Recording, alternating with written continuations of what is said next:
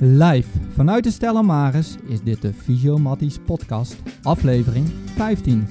Met vandaag aanwezig in onze omgebouwde studio uw vaste gasten Patrick Vragen, Theo Eltink en Bart Damen. Goedemorgen heren. Goedemorgen.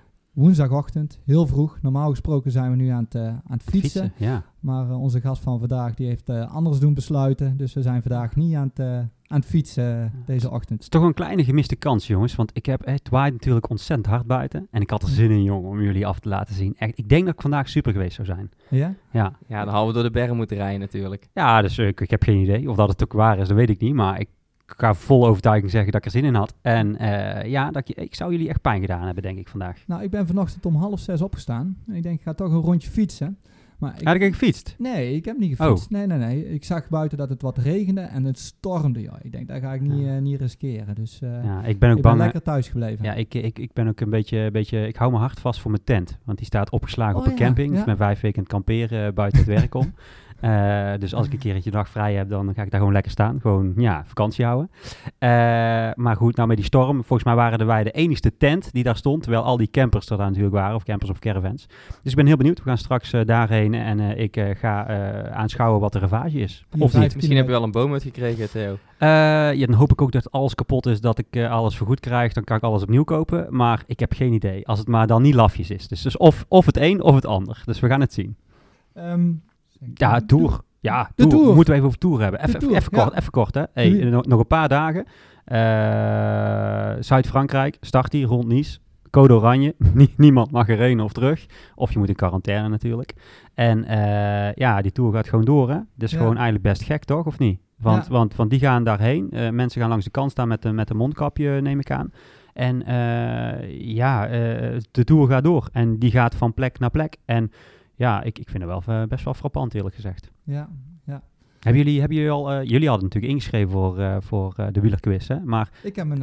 hoeveel hebben we er nu? klaar. Hoeveel hebben we er nu? Eh, volgens mij staan we rond de 15 aanmeldingen. Ah, rond de 15. Ja. Oh, en we, doelstelling ongeveer 20, 25? Kom op mensen, er Ja, kunnen er wel meer meedoen, jongens. Vijf- 25, dat moeten we wel kunnen halen, ja, toch? dat, moet, dat, dat shirtje is keigaaf. Ja, we moeten nog, als, jij, als wij de volgende keer dus wel samen gaan fietsen, doe je dat shirt aan, hè? De shirt, ja, de volledig pakje. Spider-Man pakje. Maken wij nog een extra gave foto.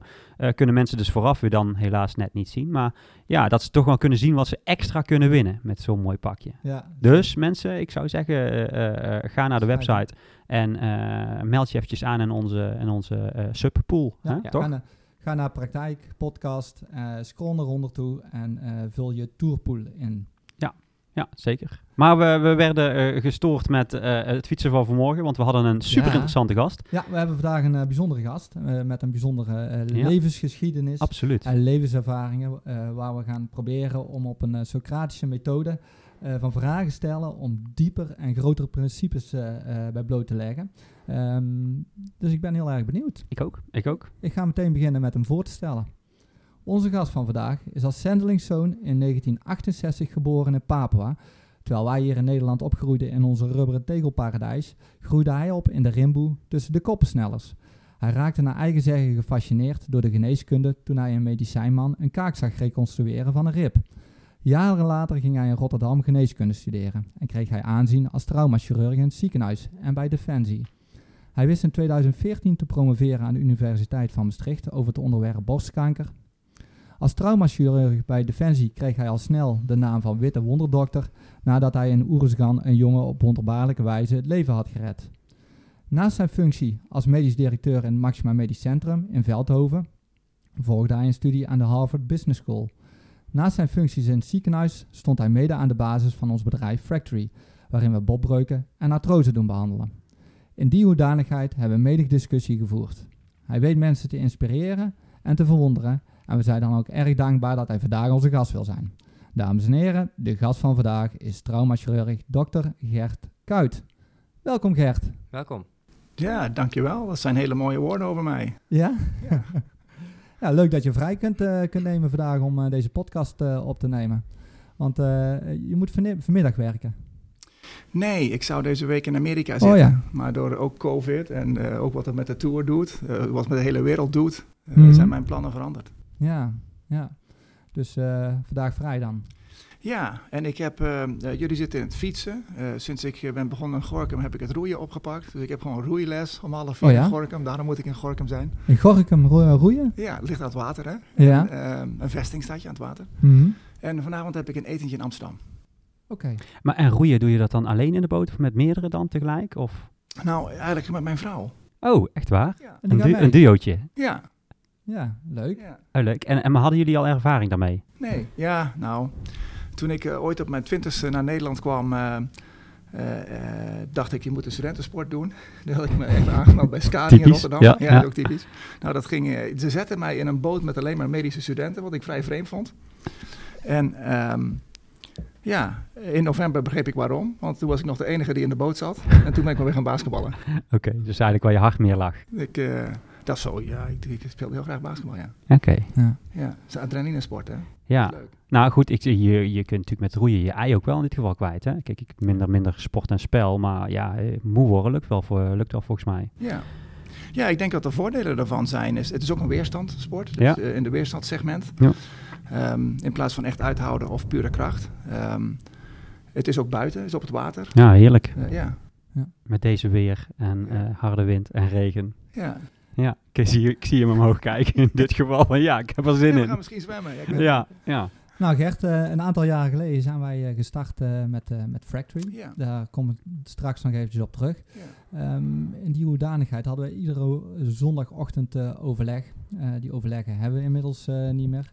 Ik Ja. vond toch dat we jou eh, moesten uitnodigen om, eh, om toch weer eens een keer eh, in gesprek te gaan en wat dingen bloot te leggen, eh, zodat wij ervan leren. Misschien de luisteraars nog iets van op kan, kunnen steken. Eh, wat ik ervan heb geleerd is eh, vooral, ik bekeek alles vanuit de blik als fysiotherapeut. Ik ben opgeleid als fysiotherapeut. En dan heb je al een soort van confirmation bias. Hè. Je, je, je bent opgeleid eh, in, in een bepaald werkveld en vanuit dat blik bekijk je ook de wereld. Ehm, wat ik voor jou vooral heb geleerd is de wereld uit van, van meerdere kanten uit, uit bekijken. Wat jij vooral deed was eigenlijk een spiegel voorhouden en altijd vragen van waarom. En waarom vind je dat Bart? Nou, dat gaan we nou dus vandaag ook, eh, ook bij jou doen. eh, eh, op die manier. Ja, dat is fair. Ja, en, dan, en daar proberen we dus ook wat dingen bloot te leggen. Ja. Het heeft mij in ieder geval heel veel ge- gebracht, in ieder geval. Dat ik dingen toch anders kan, kan, kan zien en bekijken, ook als ondernemer. Want als fysiotherapeut heb ik hier een praktijk en ben ik ook een ondernemer. En je moet het ook van andere kanten bekijken. Ehm, ik ga met jou beginnen met een aantal stellingen dadelijk. Eh, stellingen, vragen. En dan mag je zo kort mogelijk op antwoorden. En dan komen we waarschijnlijk later op terug. Ja? Ja. Hoeveel generaties dragen de naam Gerrit Kuit? Waarvan ik het weet, vijf. Vijf? Oké. Papua, België, Amerika, Canada of toch Nederland? Nederland. Entrepreneur, traumachirurg of toch liever een pionier? Pionier. Chirurg bij Defensie of chirurg in een ziekenhuis? Defensie. Het geloof in God of het geloof in jezelf? Geen van beide. Welke taal spraken jullie op Papua? Dat wisselde. Jali. Op welke leeftijd leerde jij Nederlands? Eh, Twintig. Dacht je echt dat je het casino zou kunnen verslaan? ja. Dat is heel overtuigend. Schitterend, schitterend, schitterend. Maar dat komt dadelijk wel, schitterend. Ja, ik heb het gedaan. Eh, marktwerking in de zorg werkt niet. Mee eens. Evidence-based medicine is in veel gevallen ook pseudowetenschap. Mee eens. Eh, Maar in theorie niet. In praktijk wel, theorie niet. Oké. Value-based healthcare is een onderdeel van evidence-based medicine. Ja. Oké. Klopt het dat wij jou bijna als chirurg verloren waren aan Amerika en hier Ja. mag je op doorgaan? Ja, ja, dat klopt. Hoezo dat? Ja, drie jaar geleden ben ik gestopt als chirurg het Max Medisch Centrum. En ben ik het bedrijfsleven ingegaan in Boston. Maar daarvoor, eh, ik, eh, ik doel eigenlijk een beetje, eh, jij was, eh, ge- eh, je moest je opleiding als, je, als chirurg, je werd, moest ergens geplaatst worden, je stageplaats. En je werd uiteindelijk geplaatst in, eh, in Maxima of in Tilburg Voor de Maar- opleiding bedoel je? voor de opleiding. Ja, Ja, was- ja, was- a- ik was- alleen, Agnio in Tilburg, ja. opleiding Veldhoven Nijmegen. Altijd perifeer academisch. Oké, en ik heb ergens een keer gehoord ehm, dat er eigenlijk eh, een ruzie was tussen twee dames die eigenlijk geplaatst zouden Ja. waren voor jouw stageplaats. Ja. En jij bent eh, uiteindelijk eh, geworden omdat die twee dames aan het ruzie waren om hun eh, stageplaats of zo. Ja. Het fijne weet ik er niet van, maar eh dat hoor ik graag van jou. Ja, er kregen twee eh, vrouwelijke kandidaten ruzie dat ze niet naar Veldhoven wilden. En zo, daar heb ik mijn opleidingsplaats aan te denken. Oké. En anders was je vertrokken dus naar, eh, naar Amerika. Ja. Oké. ja, ik had ook een opleidingsplek in Seattle, Mhm. in Amerika. Als reserveplek. Ja, ja. En toen? reserveplan. Oké. Ja. Je kiest toch voor Nederland. Ja. Hoe komt dat? Ja. Ja, dat is een hele goede vraag. Dat weet je uiteindelijk niet. Dat is een gevoel misschien. Mhm. Ehm, misschien omdat je ouders er vandaan komen, je voorouders er vandaan komen. Mhm. Omdat je voor Defensie gediend hebt. Mhm.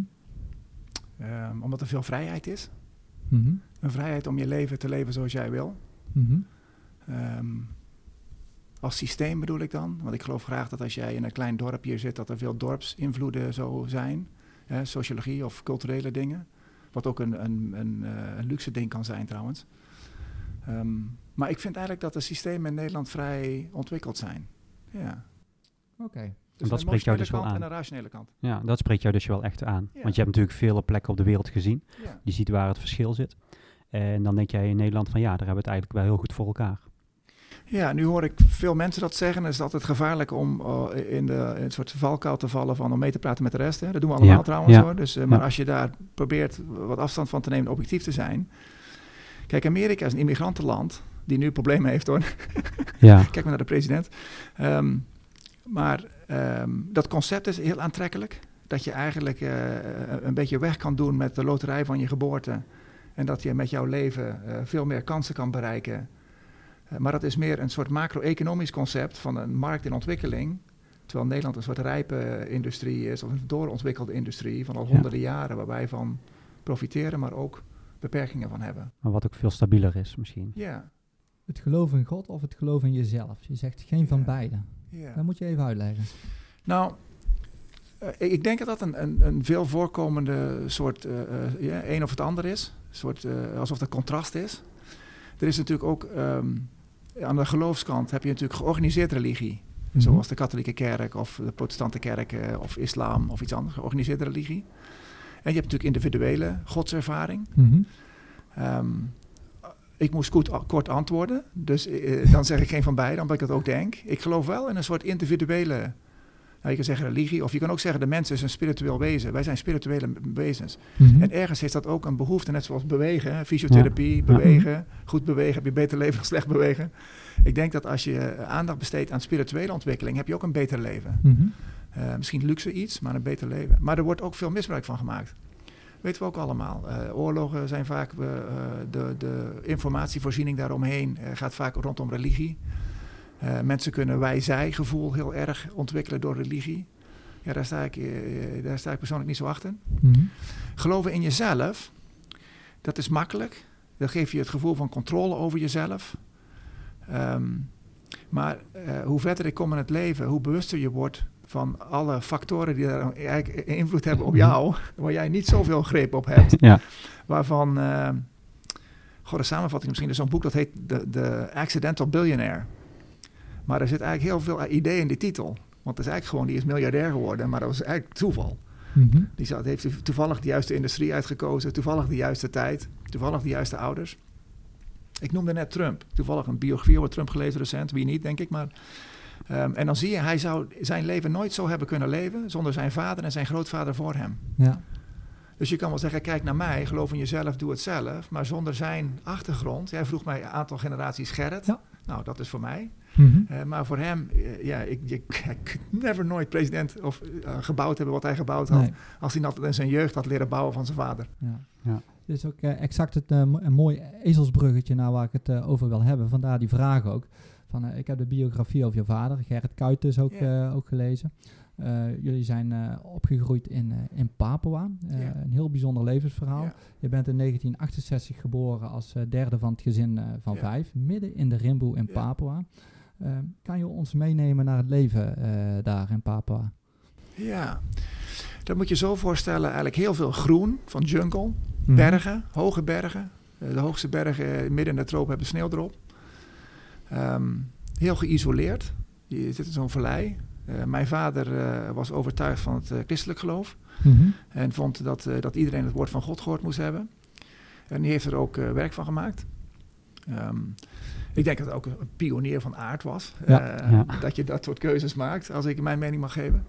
Ja, en die koos om naar Nieuw-Guinea te gaan. Ja, hoe kom je in contact met Nieuw-Guinea? Waarom Nieuw-Guinea, niet Afrika of iets anders? Ja. Ja. Nederland had daar een provincie. Ik denk dat is waar je mee in contact komt. Je komt niet met Congo in contact. Mhm. Dan had je in België moeten opgroeien. Ja, Ja. precies. Ehm, dus hij ging naar Nieuw-Guinea. Het is eigenlijk ook een bijzonder verhaal. Want hij heeft tuberculose gehad in zijn jeugd. Moest kuren. En je mocht toen niet naar de koloniën met Mhm. tuberculose. Die heeft vier jaar... En dat heeft hij eigenlijk van zijn vader ook gekregen, tuberculose. Ja, die was, die was zee. zeeman. Ja, was En die- zeeman. Ja. Dus daar zat het pionierschap ook al in. Oh, je bedoelt de pionierschap? Ja, ja en het... eh, en het En mogelijk ook de tuberculose namelijk. ja, ja, precies. Ja, ja, ja. Maar de pier- ja, dat weet je niet. Want je weet niet wat erft en wat niet erft. Hè? ja. Ik zie het nu met mijn eigen kinderen. Mhm. De een, de oudste neigt ook naar pionierschap. De tweede niet. Die wil gewoon Mhm. thuis zijn. ja. En een lokaal leven hebben. Maar je vader is als eerste zendeling dus vertrokken naar, eh, naar eh, Ja. Nieuw-Guinea. Die is daar door de Rimboe getrokken. En, eh, is lopend hè, door de bergen. Ja, lopend, ja. ja. En, en daar wilde hij dus een kerk bouwen, een Ja. dorpje bouwen, een Ja. gemeenschap opzetten Ja. en het geloof verkondigen als, als Ja. dominee. Ja.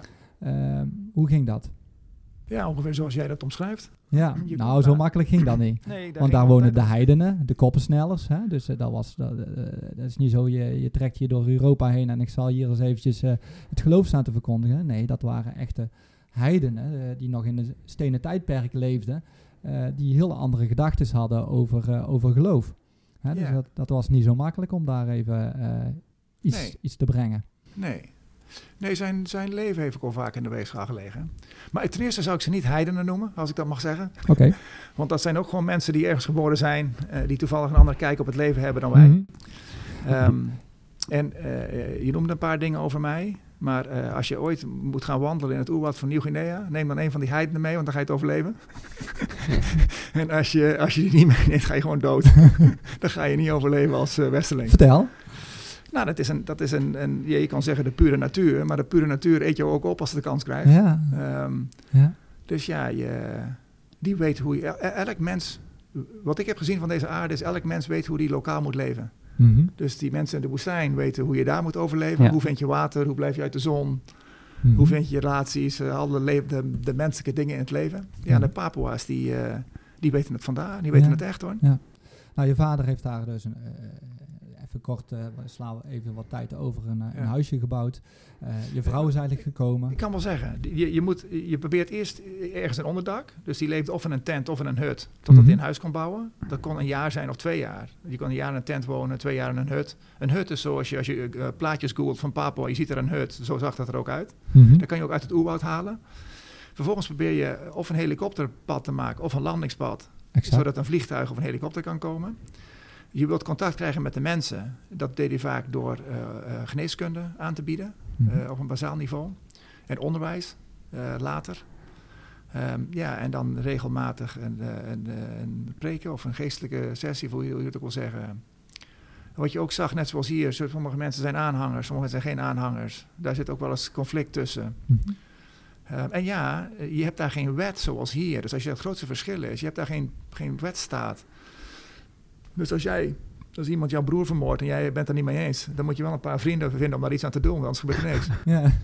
Je kan niet eh, 911 bellen of eh 221, 112. Dat werkt, dat heb je niet. bestaat niet. Ja. Je hebt sowieso geen elektriciteit of stromend water of... eh, Ja, daar denken we al helemaal niet bij na, hè? nee, Nee, ja. Dat is ik eh, te schetsen.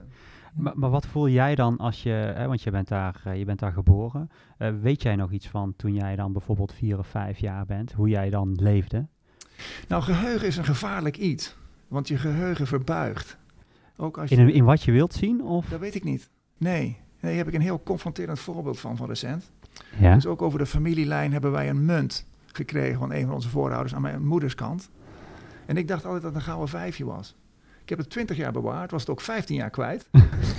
Toevallig vorige week vonden we dat ding. Ja. Maar het is geen vijfje, het is een tientje. Een zilveren tientje. Het, een gouden tientje is het. Ja. Goud. Ja, ja. En ik dacht dat het een gouden vijfje was. Ja, Dus ik heb hard bewijs dat mijn geheugen niet klopt. Dus misschien moet je niks geloven wat ik vertel. Eh, ja zou kunnen. Maar, we- maar weet je nog iets van die tijd? dan? tuurlijk. Iets wat je... Tuurlijk, wij hebben daar afscheid genomen toen ik eh, 23 was. Groot, fe- groot feest. 53 varkens. Ja, Oké. al- Dat moet je allemaal opeten. ja, ja. Dat kan je niet in je eentje. Nee, nee, nee, daar heb je veel vrienden voor nodig. Daar heb je veel vrienden voor nodig. Nou, die waren er ook met een paar duizend. Nee, mijn vader heeft, ja, je kan zeggen, een heel succesvol leven gehad. Die werd de, de apostel van het Hoogland genoemd. Ja, En dus er was een, eh, ze hebben ook 50 jaar mijn vader gevierd. eh, een aantal jaren terug. Dat ja, was al- mijn vader is al overleden. ja. Maar dat was wel... eh, Dat is wel opvallend, toch? Ja. Ja, Dan heb je toch serieus wat betekend daar. Ja, dat is ook zo. Maar er zijn ook echt moeilijke momenten daar geweest. Ja, de Ja. eerste keer dat ik dacht dat ik dood ging was ik zeven. Ja. Was een stam onderweg om ons te vermoorden. Ja, ik las in het boek ook dat eh, eh, waren de, jullie waren met drie kinderen toen nog. Jij was de derde in de rij. Eh, en dat jullie eh, met de pijl en boog achter, achterna gezeten werden. En dat jullie nog net in een Cessna konden, eh, konden vluchten. In ieder geval zo staat Oh het. ja, dat is ook gebeurd. Ja. Ja. Maar waarom eh, waren ze op weg om jullie te vermoorden, als ik vragen mag? Ja, omdat zij, ehm, ja, dat kan je zien als ze willen geen, sowieso verdedigen ze hun vallei tegen Ja, iedereen. ja, Zie je in Afghanistan trouwens ook hoor. In Ja. heel die oorlog in Afghanistan zijn er verleien waar nog de, ge- met de geallieerden nog de tegenpartij mag komen. Ze worden allemaal afgemaakt. ja, Die zijn gewoon baas in hun eigen vallei. Nou, dat Ja. zijn die Papua's ook. ja, ja, Lords of Ja. the Earth is een boek van Donald Richardson. Lords of the Earth. They are Lords of the Earth. ja, ja. Van hun, hun stukje Van, aarde. van hun stukje, ja, van hun gedeelte. zijn Ja. zij Lords. En jullie waren uiteindelijk dan, eh, werd dan beetje... Indringen. Ja, precies. Indringen gaat eruit. Ja. Maakt niet uit. Niet van ons. Kan je En, en, en, en hoe ging dan, want ze waren op weg naar, en hoe ging dat dan? Nou, in dit geval, dat want eigenlijk zijn twee verschillende gevallen. Hè, want ik was toen jong, dus dat weet ik alleen maar van de verhalen. En, Mhm. iemand weet pas wat doodgaan is na zes of zeven, volgens kinderpsychologen. Mhm. Dus mijn eerste herinnering was eigenlijk in Abanagol, een plek waar ze inderdaad een stam kwam. Maar dit is ook gebeurd. Ehm, dat was in Nipsan. Ehm, die waren wat harder. Die hebben ook een paar jaar later hebben ze ook iedereen vermoord en opgegeten. Ja. Ehm, maar toen was het nog de vroege fase. Ehm, eh, mijn vader was gecontacteerd om daar een, een missiepost te starten. Dus die is naartoe gegaan. De- hij had eh, ondersteuning van helikopters, omdat daar, ik denk, olie of koper, e- een of ander eh, eh, grondstof eh, eh, bedrijf was. Die, hij, die helpen elkaar. Hij kreeg ook een geweer, een, een jachtgeweer. Hij zegt, nou, nou, nou, God gaat mij beschermen. Maar die vent, ja, neem dat geweer nog maar mee. De wijsheid vandaag. Ja. ja. En, en inderdaad, die hebben dan een georganiseerde actie om je eigenlijk te verdrijven. En toen was er al een landingsbaan, hè, dus ben je eigenlijk al eh, een jaar verder. Ik denk dat het altijd zes of acht maanden duurde voor zo'n landingsbaan had met de hand. Hè. Dat schopje en, eh, en eh, zo'n pik houden en zo. zo Ja, en je- alles was uh, Ja, stijl alles omhoog of stijl omlaag. Ja. Dus, eh, ja. Ja, het zijn de bergen. En ehm, ja, dat ging wel heel ver, want je moet denken, het duurt een uur voor een vliegtuig bij je is. Dus dat zagen ze natuurlijk al aankomen, dat de spanning opbouwt. Mhm.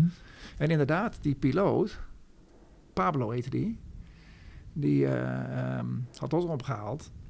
En toen dacht hij van, ja, die gaan niet overleven. Ja, dan gebruik je je vliegtuig als wapen. En wat deed hij dan? Nou, Hoe, gebruikte hij zijn vliegtuig als wapen? Duiken, gewoon met meters over de grond, Ja, in de bergen. Ja. ja. ja. En de, de, de aanvallers die moesten, dan, eh, die moesten dan bukken om, eh, eh, om niet geraakt te worden door het, eh, door het vliegtuig. Nou, maar die, die wacht, ten eerste, eh, vliegen is raar voor hen. Ja. Eh, dus het vliegtuig is ook raar, maakt hoop lawaai. Mhm. Ehm, ze hebben andere concepten dan wij, hè? Dus alles leeft. Eh, ze denken dat een vliegtuig ook leeft. Mhm. Ja, en dan komt het op en af. Weten zij veel wat er gaat gebeuren. Die Ja. rennen wel. Was een Ja. soort angst ook voor, de, voor dat vliegtuig dan. Ja. Ja. Ja. Er zitten natuurlijk geen wapens op zo'n Cessna, hè? dus je zit niet te schieten. Nee. duidelijkheid. Een, een aantal jaren later, toen eh, had jouw vader, want je krijgt maar in de, één keer in de zoveel tijd krijg je verlof hè, als, als Ja. zendeling. Ja. En toen zijn jullie naar eh, Amerika vertrokken voor een aantal maanden om een, eh, want je vader wilde, wilde ook piloot worden, Ja, want dan- anders kon je, ja, je wilde leren vliegen daar. Zijn je met heel het gezin naar Amerika eh, vertrokken en ondertussen is er, eh, heeft er het een en het ander afgespeeld daar in Papua, waar jullie woonden. Kun je daar ons iets, eh, iets over vertellen? Ik denk dat je refereert naar eh, 1974. Ja.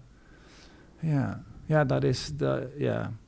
Gewoon, je kan zeggen wat er objectief gebeurd is. En dat is dat de lokale bevolking de helpers van de Yali-stam eigenlijk vermoord hebben en opgegeten. Er zijn vijf ontsnapt. Mhm.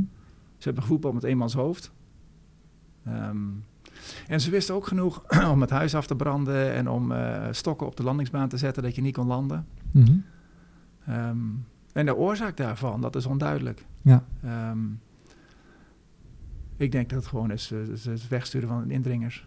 Ja. Ik, eh, ik weet dat daar verhalen zijn geweest van dat er... eh, eh, ze waren ook boos door hoe wij met de varkens omgingen.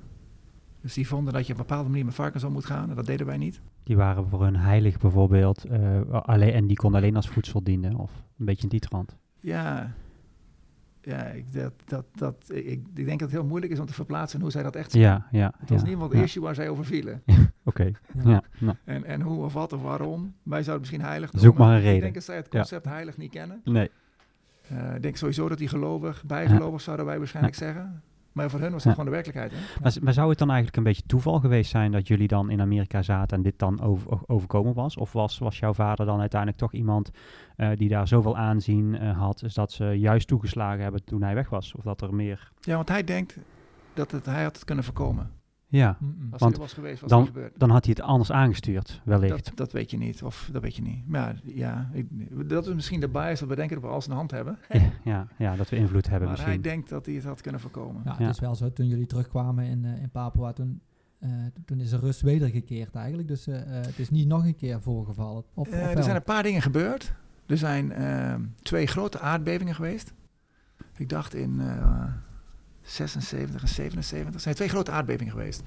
Dat heeft hun eh, hard geraakt, want hun voedselvoorraden zijn daar eh, hard door gestoord. Er waren ook stemmen in die, in die dorpen die zeiden van wij hebben kwaad gedaan. Eh, wij hebben iets gedaan wat niet mag. Mhm. Ehm, die hebben dat ook ervaren als, als natuur of God of iets. Dat zegt van, hé jongens, jullie worden nu gestraft voor wat jullie hebben gedaan. Want die hebben gevraagd aan mijn vader om terug te komen. Mm-mm. Dus Ja. daar speelt meer. Ja. Een beetje speculatie, maar er speelt meer, ja. Ja, ik, ik, ik las ook in het boek inderdaad, het was niet, niet, duidelijk wat het nou allemaal de oorzaak was van, van dat eh, voorval. De, het is trouwens ook hier in Nederland op het journaal geweest eh te dat zijn de tijd. Ja. Eh, een van de, van de mogelijke oorzaken was dat de blanken daar mogelijk de griep hadden gebracht in, in Papua. Kun je daar nog iets van herinneren? Nee, dat ken ik niet. Nee, nee, Nee. dat verhaal. Als je het over minder bekende verhalen... er was een, een eh, reisorganisatie in Singapore... die beweren dat daar seksuele ja, eh onkuisheden Ja. zijn gebeurd. Daar is uiteindelijk een eh, rechtszaak van geweest... omdat mijn vader vond dat dat zijn beroep en zijn eer aantastte. En daar is gewonnen, die moesten dat terugtrekken. Dus er is geen bewijs voor. Ze hebben niet aan een rechtbank kunnen overtuigen... dat daar enige vorm van evidence voor was dat dat ook gebeurd was. Maar Mm-mm. het is natuurlijk een mooi verhaal, hè, verkoopt. Ja, Eh, mensen die uit de bocht vliegen Ja. in zo'n geïsoleerd do- plekje. Wat misschien wel kan hoor. Ik zeg niet zeggen dat het niet kan, maar ik denk niet dat dat gebeurd is. Ehm, ik heb wel gehoord van de mensen die het zagen. Die, eh, een van die vijf die het overleefde, die heette Philip. Die kwam ook terug. Ehm, ja, ik kan me herinneren dat wij wandelden ook door die berg. Van wat gebeurde hier, wat gebeurde daar. Dat hij ook op een gegeven moment zei, stond op zo'n heuvel, zo'n berg. En hij zegt, ja, dat was gewoon zwart van de mensen. Er waren duizenden mensen. Dus het is een redelijk spaars gepopuleerde, eh, spaarse populatie. Dus die hebben het eigenlijk goed georganiseerd om zoveel mensen bij elkaar te krijgen voor deze event. En het ook stil te houden. Mhm. Maar zoals altijd, er is ook een stam. Dus als je nou kijkt, de vijf die het overleefd hebben, dat is wel interessant. Dan denk ik, waarom overleven die het nou? Waarom zijn ze niet allemaal dood? Mhm. Eén was weg voor medische reden in een ander dorp. Dus die was gewoon een dag lopen daar vandaan en is overleefd. Dat is natuurlijk een beetje makkelijk. Ehm Philip werd beschermd door een... Dus die, wat er gebeurde, ze wisten dat ze elke zondag gingen naar van die dorpen. Dus ze wisten dat ze uit elkaar waren. Dat is eigenlijk nog een hele basale militaire strategie. Hè? Je tegenstander, als- ze bij elkaar zijn, het probleem. Uit elkaar heb je een kans. En Philip ging naar het dorp zelf van Nipsan. En die, eh, het stamhoofd daarvan heeft hem tegengehouden. Nee, niet teruggaan. Nee, blijf bij mij. Kom, blijf nog iets eten. Nee, allerlei excuses om hem daar te houden. Totdat hij ging. En toen hij eigenlijk over die regel heen liep, waar hij vertelde wat hij zag. Hij zegt, toen, toen had hij nog een kans om te ontsnappen. Dus eigenlijk heeft een stamhoofd hem besloten hem te redden. Eh, en die is gerend naar beneden, naar zo'n rivier. Moet denken, die rivier was, was zo koud... dat eigenlijk als wij erin zwommen... was gewoon heel rap naar de overkant om weer op een hete steen gaan liggen. Hier zou het misschien meevallen, maar daar vonden we het echt ijskoud. Ja. En hij heeft gewoon de hele dag in dat water gezeten. En de Yakmal, die mensen van Nipsan, die kunnen niet zwemmen. De Jali-stam wel. Dus de stam waar Philip uitkomt. En hij heeft gewoon in, die, in, in het water gehangen totdat het donker was. En toen is hij gewoon eh, een paar dagen gaan lopen. Totdat hij een ander dorp vond eh, waar hij veilig was. Ja. Ehm, Maria, die is... ehm, die was geschoten. Ehm, die hebben ze in het gras gelegd. eh, van, hé, hey, wij gaan jou later opeten. Alleen ja... Ja, medisch zou je zeggen, die heeft een pneu gehad of iets. Maar goed, die kwam erbij. En die, is die heeft een week in het gras geschuild. Totdat eh, de buitenwereld eigenlijk binnenkwam. Dat ze niks hadden gehoord van Nipsan. Dachten even, we gaan eens kijken wat er aan de hand is. En iemand vliegt er dan over en denkt, hé, er is iets raars aan de hand. Kom, we sturen, we sturen mensen. Ja, en twee mannen hebben hun, eh, hebben hun vrouw en kinderen beschermd. En die werden op een gegeven moment gedood. Dus hij zijn gegaan. Mhm. Ja. Dat is wel echt bizar. Ja, bizar. En je, je ziet ook dat het jou ook nog steeds wel Ja. eh, enorm raakt, Gert. Een bijzonder levensverhaal, eh, Gert. Ja, dit Ja. zijn dingen, dat, dat kunnen wij ons eigenlijk bijna niet voorstellen. Nee. Want dat, dat, dat moet je gezien hebben, dat moet je meegemaakt hebben om je dat in te kunnen beelden. Ik denk dat Ja. niemand, Nee. geen enkele filmmaker of geen enkele schrijver dit op deze manier kan, kan eh, inbeelden. Eh, alleen degene die er echt geweest zijn, die het mee Ja. hebben gemaakt. Nou goed, als je, je, je kan die vijf mensen die overleefd hebben, kun je, kun je met name, eh, in dit geval, eh, namen en herinneringen, kun je die, kun je die opnoemen. Ja. En heb je daar een zelf ook een, een verhaal bij. Dat is echt ongelooflijk. Ja, ik begon, ik begon het al vandaag eh, eh, Ja. met een voorstelling van wij zijn opgegroeid met, eh, met een rubberen wipkip. Hè, bij Ja. ons, wij zijn Ja. op veilige speeltoestellen. En Ja. met al, moet al- de discussie hier gaat eh, van een speeltoestel mag niet draaien en die Ja. mag, eh eh, dat moet allemaal veilig zijn.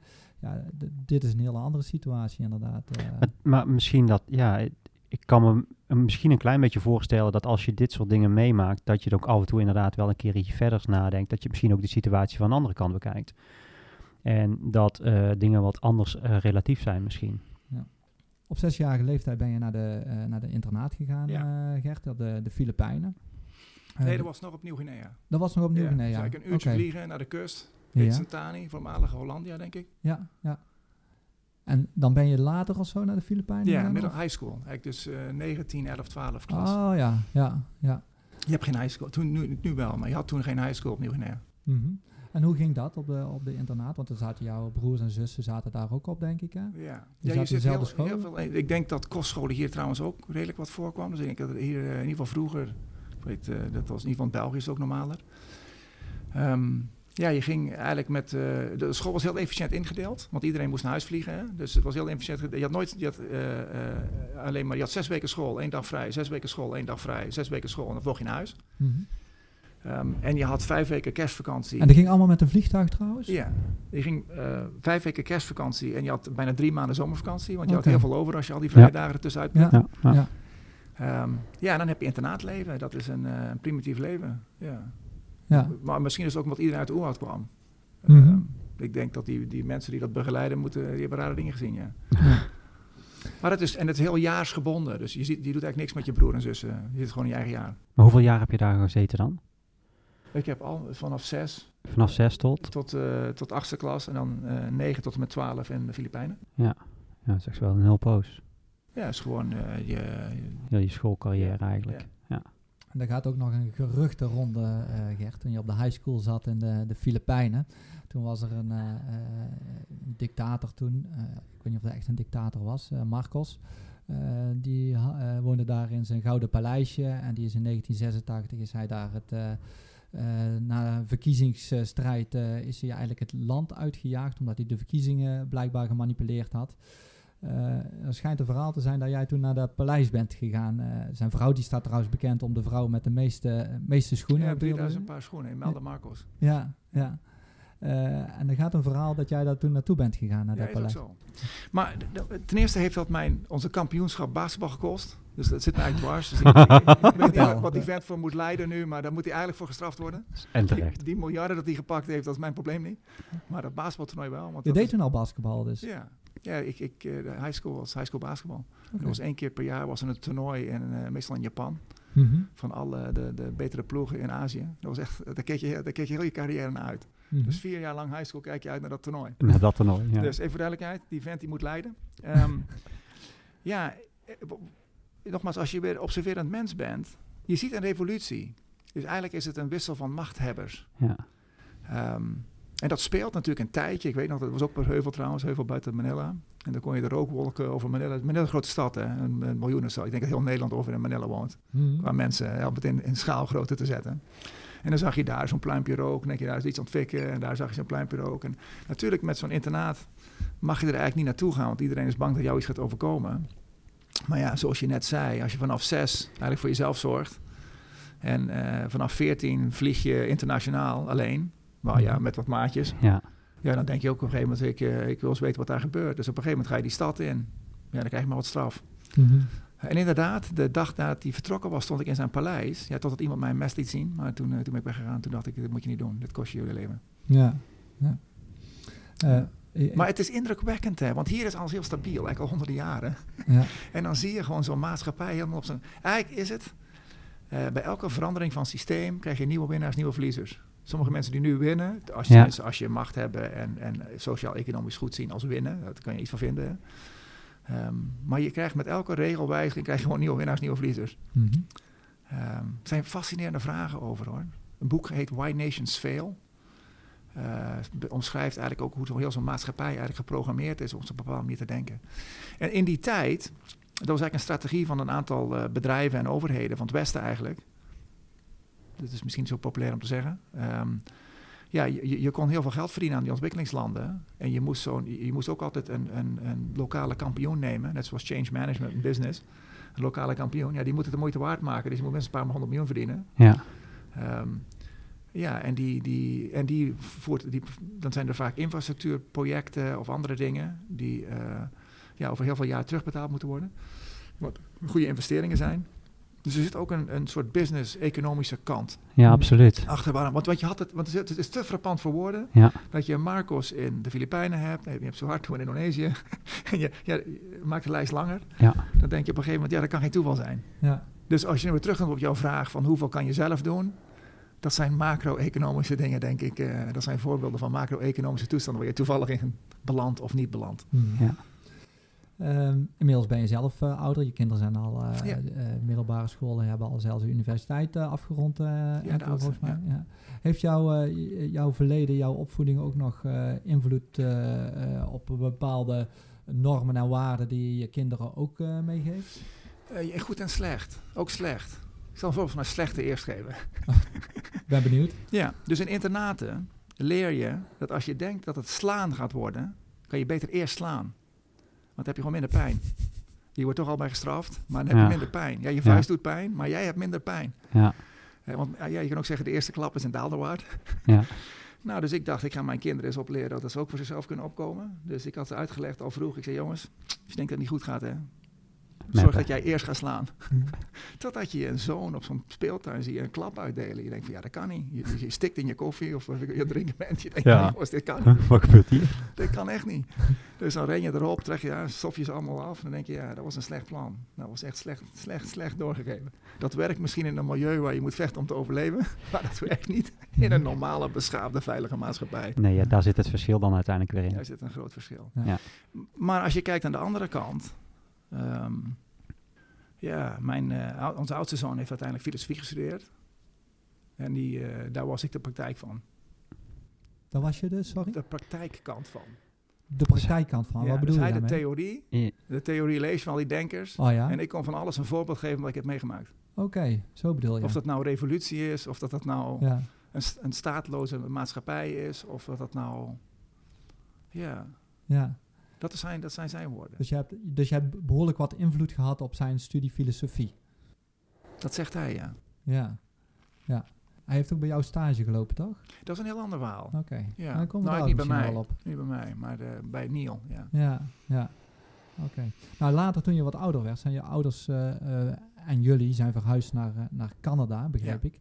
En dat had mede te maken door, eh, ja, jullie spraken eh, voornamelijk ook vanwege jullie eh, opleiding in, in de Filipijnen Engels. En leek het jullie ouders het beter om naar Canada te, te, te verhuizen, begreep ik. Klopt dat? Ik denk dat het eenvoudiger ging. Mijn ouders hebben gewoon gevraagd aan de vijf kinderen van wat beschouw je thuis op deze wereld. En de andere vier hebben Noord-Amerika gezegd. Oh ja? En toen was het makkelijker met een Nederlands paspoort om naar Canada te immigreren dan Amerika. Ja. En mijn vader eikte een beetje aan uh, de gemeente waar hij uh, dominee aan was. Oké. Dus hij, hij, uh, daar had je nog keuze gezet trouwens. Maar er zijn van die uh, plekken waar Nederlanders naartoe zijn geïmmigreerd. Ja. En waar zat je dan ergens in Canada? Uh, buiten Vancouver. Vancouver. Oké. Okay. Als je in Vancouver Airport landt, je huurt een auto en je rijdt anderhalf uur op Highway 1. Da ja. Er is maar één highway. Ja. Als je daarop rijdt, dan kom je uit in Chilliwack. Als je daar links kijkt, is het mijn zus, mijn Uh, moeder. Oké. Okay. Ja, ja. Jouw zus en jouw moeder wonen er nog steeds, toch? Inmiddels, mijn oudste zus heeft uh, fysiotherapie in Nederland gestudeerd. eh, ik denk 20 jaar Afrika, 10 jaar Indonesië en sinds twee jaar Canada. Iedereen komt terug naar, naar Canada. Mijn andere zus, 25 jaar Guatemala en nu ook in Canada. Mhm. Alleen mijn broer woont in Alberta, de provincie ernaast. Oké, ja. Maar dat is 15 uur rijden of zo, hè. even in, in schaalgrootte. Ja. En ben je in Canada eerst ook gaan studeren nog? Je daar... Nee, ik was net begonnen met geneeskunde, eh, of net, ik, een paar jaar geneeskunde in Nederland. Als immigrant mocht ik ingeschreven worden at de University of British Columbia. Ik vond eigenlijk een stel arrogante eikels, ik ben niet gegaan. Ik ben er gaan praten hoor. Het eh, is heel onbeleefd voor mij, maar ik vond ze zo houtin en zo arrogant. Ik dacht alsof ze de, de beste in de wereld waren. Ik dacht, nou jongens, we gaan Ja. Nederland verder. En toen heb je ingeschreven voor, eh, voor de studie geneeskunde in, eh, in, eh, in Rotterdam. Nee, dat deed ik al. Dat deed je al? Ja, ik zat al in Rotterdam toen mijn ouders naar Canada gingen. Ja. Eh, in die studietijd heb je geprobeerd eh, om het eh, casino te verslaan. Dat was net ook een stelling. Ja. En je dacht serieus dat je die kon verslaan. Hoe komt dat? ja, ik weet zeker. je weet zeker. Ja. Want je had een algoritme gevonden of zo? Of, Nee, nee, maar dat moet ik eigenlijk anders vertellen. Dus je wordt een gegeven dag wakker in je studententijd en je leest de, staat de krant open. En in de krant staat dat een aantal mensen Holland Casino aanklagen voor broodroof. Nou, Holland Casino aanklagen reek mij wonderlijk, want iedereen weet dat je in casino geld verliest. En broodroof had ik nog nooit van gehoord. Eh, maar ik heb wel geleerd dat Hollanders dat heel serieus nemen. Mensen moeten echt hebben hier in Nederland om zijn brood te verdienen. anders, anders slaat iedereen op tilt. Ehm, en dan volg je dat een paar weken. En in die paar weken kom je erachter wie ze zijn, hoe het ging, de details komen in de krant. En dan de uitslag. Ja, zij hebben de rechter kunnen overtuigen dat ze ieder 80.000 gulden per jaar verdienen in het casino. Dan denk je bij jezelf, nou wacht eens even. Als je het nou hebt over wat is waar, of eh, dat is redelijk evidence. Dat je denkt van, hé, dan moet het ook. Dus de volgende drie weken in de bibliotheek in Rotterdam, niet naar de medische faculteit. mhm. En alle boeken gelezen die ik kon vinden over kansspelen. En toen uitgeprobeerd. Je kan ook zeggen dat we het niet gehaald hebben. Want op een gegeven moment waren we erachter gekomen dat gokken veel leuker is dan gewoon een systeem afspelen. maar dat hebben wij toen, eh, toen tien of twaalf keer gedaan. Die kwamen elke keer, eh, we gingen, toen ging het om guldens. Hè? Dus het ging of plus 100 gulden of min 100 gulden. Oh ja? En we hebben ja, elke keer gewonnen. Oké. We zijn alleen twee keer waar we het zat en zijn we eerder gestopt voordat wij aan onze 100 gulden zaten en met 50 gulden naar huis gegaan. En hoe kom je dan aan het geld als student zijnde om, eh, eh, om zo naar het casino te kunnen gaan? Ik had een baantje in de horeca. Oké. In Ja. een hotel New York. Hey, en Bart, voor die tweede keer heeft hij dat geld niet meer nodig. Want die, Nee, want die hij heeft, die heeft hij al gewonnen in en dit ik denk geval. zelfs een student 100 gulden kan op de... Ja. Maar Ja, zullen maar wij... dat is Maar een enorme als, je, als je daar toch over, over begint. Ik had een, eh, een, een brief geschreven aan mijn vader. eh, toen ik net begon dat ik niet gelovig was. Het is heel makkelijk om vol te houden als je een halve wereld weg bent. Ik vond het niet heel eerlijk voor mij. nou, daarna mocht ik voor mijn eigen studie betalen. Ehm, want hij, eh, had die, hij zegt, ja, al dat geld wordt gedoneerd naar Christus en de kerk. En jij, eh, jij zegt, daar geloof ik niet in. Ik Was dat naar aanleiding van, van dat je dat aangaf? Ja. Oh. Nou, ik vond dat hij een punt had. Dat was Mhm. inderdaad ook zo. Ja, dus dan, dan begin je eerst met vrachtwagens laden midden in de nacht. Hè? Want dat zijn de banen die je kan doen naast een studie. Mhm. Ja, en ik eh vuilnis ophalen, wat trouwens best wel leuk is om te doen. Dat zijn stoere mannen. Ehm, tot eh, de horeca, die waren de betere, betere, kon je makkelijker verdienen. Bij een horeca moest je weer uitkijken die niet gewoon uitgaf aan het eind van de avond, omdat je in zo'n vrolijke bui was. Ja. Dat je zelf aan de bar ging Ja. zitten. Drie uur s'nachts alles weer kwijt was. Ja, dat je mag pinnen om naar huis te komen. Ik vind, ik vind het ook altijd bewonderenswaardig, als, eh, zoals net ook. Hè, je praat vol verwondering en eh, respect over je vader. Ja, Eh, en anderzijds geef je ook aan eh, van, eh, ik ben niet gelovig. Dus dat Ja. moet toch ook wel een trap op zijn hiel zijn geweest. Ja. eh. ja vreselijk. ja. Ja. Maar, maar beeld je in, iemand eh, Mhm. besteedt 30 jaar van zijn leven om allerlei mensen te bekeren, omdat je zo overtuigd bent dat dat moet. Ja. En je eigen zoon zegt, ik denk er anders over. Hoe zat het dan met de andere vier kinderen? Die zijn gelovig. Jawel. Ja. Jij was niet de niet een... hetzelfde als, maar eh, Ja, dat snap ik. Oké. die hebben ook een eigen weg bewandeld, maar Ja. veel, minder, veel meer binnen Ja. de bestaande instituties. Je, maar, maar ook je, je zussen, wat je net al zei, die zijn ook wel via grote omzwervingen zijn ze uiteindelijk weer terug in Canada terechtgekomen. Ja. Ze zijn allemaal echt wel ook eigenlijk weer een klein beetje pioniers van hé, hey, Ja. ik, ik ga iets ontdekken Ja. in, in, in de buitenwereld. Ja. ja. En ehm, uiteindelijk kom je dan misschien wel terug, maar ja, dat zit er wel echt bij jullie in. Hebben ze dat Ja. alle vijf of niet? Dan? Wilhelmina niet. Oké, De, derde, de vierde niet. oké, oké. Die is, eh, want die heeft haar middelbare school afgemaakt. Eigenlijk in, in Chilliwack in Canada. Oh ja, in En ieder die geval is daar getrouwd met eh, Doug Lutain, een, eh, een Canadees van, ja, ook in, maar die spreekt geen Nederlands, maar van Nederlandse achtergrond. En die is inmiddels architect en die hebben daar gewoon een normaal Canadees leven. Oké. We hebben een huisje in Mexico, maar voor de rest... Ja, niks speciaals. Nee, gewoon een normaal, ja, normaal leven. Oké. Stabiel. En jouw oudste zus, eh Klazina, Ja. eh, die heeft fysiotherapie gestudeerd, Ja. vertelde je net in, eh, in Ja. Nederland ook. Ja. Eh, eh, eh, voert ze dat beroep nog uit? Eh, Is ze nog eh, actief fysiotherapeut? Nee. Nee, dat heeft een beetje te maken met de registratie laten verlopen terwijl Oh ja. ze in exotische orde zat. Eh, want die heeft ook nog een, ja- een jaar in Amerika gewerkt, ergens in Michigan, na haar studie. Mhm. Ehm, of twee, ik weet het niet. Zij, zij ehm, doet wel iets met bewegen, maar is niet formeel fysiotherapeut. Dat ze niet zoveel zin heeft om eh, door de hele registratieproces heen te gaan. Oké, ja. Ik weet daar het fijne trouwens niet van. Hè. Ik weet alleen dat, eh, dat daar, ja, eh, dat is natuurlijk geneeskunde ook, voor jullie ook. We hebben allemaal bijscholing en, en waar je allemaal moet voor doen. Dan val je, mag je opnieuw beginnen bij wijze van spreken. Ja, Ja, ja precies. Eh, Gert, voor de podcast hebben we jou gevraagd om een persoonlijkheidsprofiel eh, in te vullen. Eh, van tevoren wist ik ook wel dat dat eh, eh, niet heel erg makkelijk zou zijn. Je zou niet, voor mijn gevoel, niet duidelijk in één profiel passen. Maar toch, toen ik de uitslag van jouw profiel las, vond ik het toch wel erg herkenbaar. Vond jij dat ook? gedeeltelijk. Hmm. Ja, dus ik, ik, heb, ik heb ook veel geleerd over persoonlijkheidsprofielen over de laatste paar jaar, eigenlijk sinds Harvard. Hm. Ehm, en ik moet zeggen dat wa- waar ik nu sta, eh, is dat ik denk dat heel veel van die profielen zijn statisch. Mhm. Er zijn ook eh, een enkele die dynamisch zijn, die eigenlijk een soort, eh, deze persoon in deze omstandigheden gaat misschien dit doen.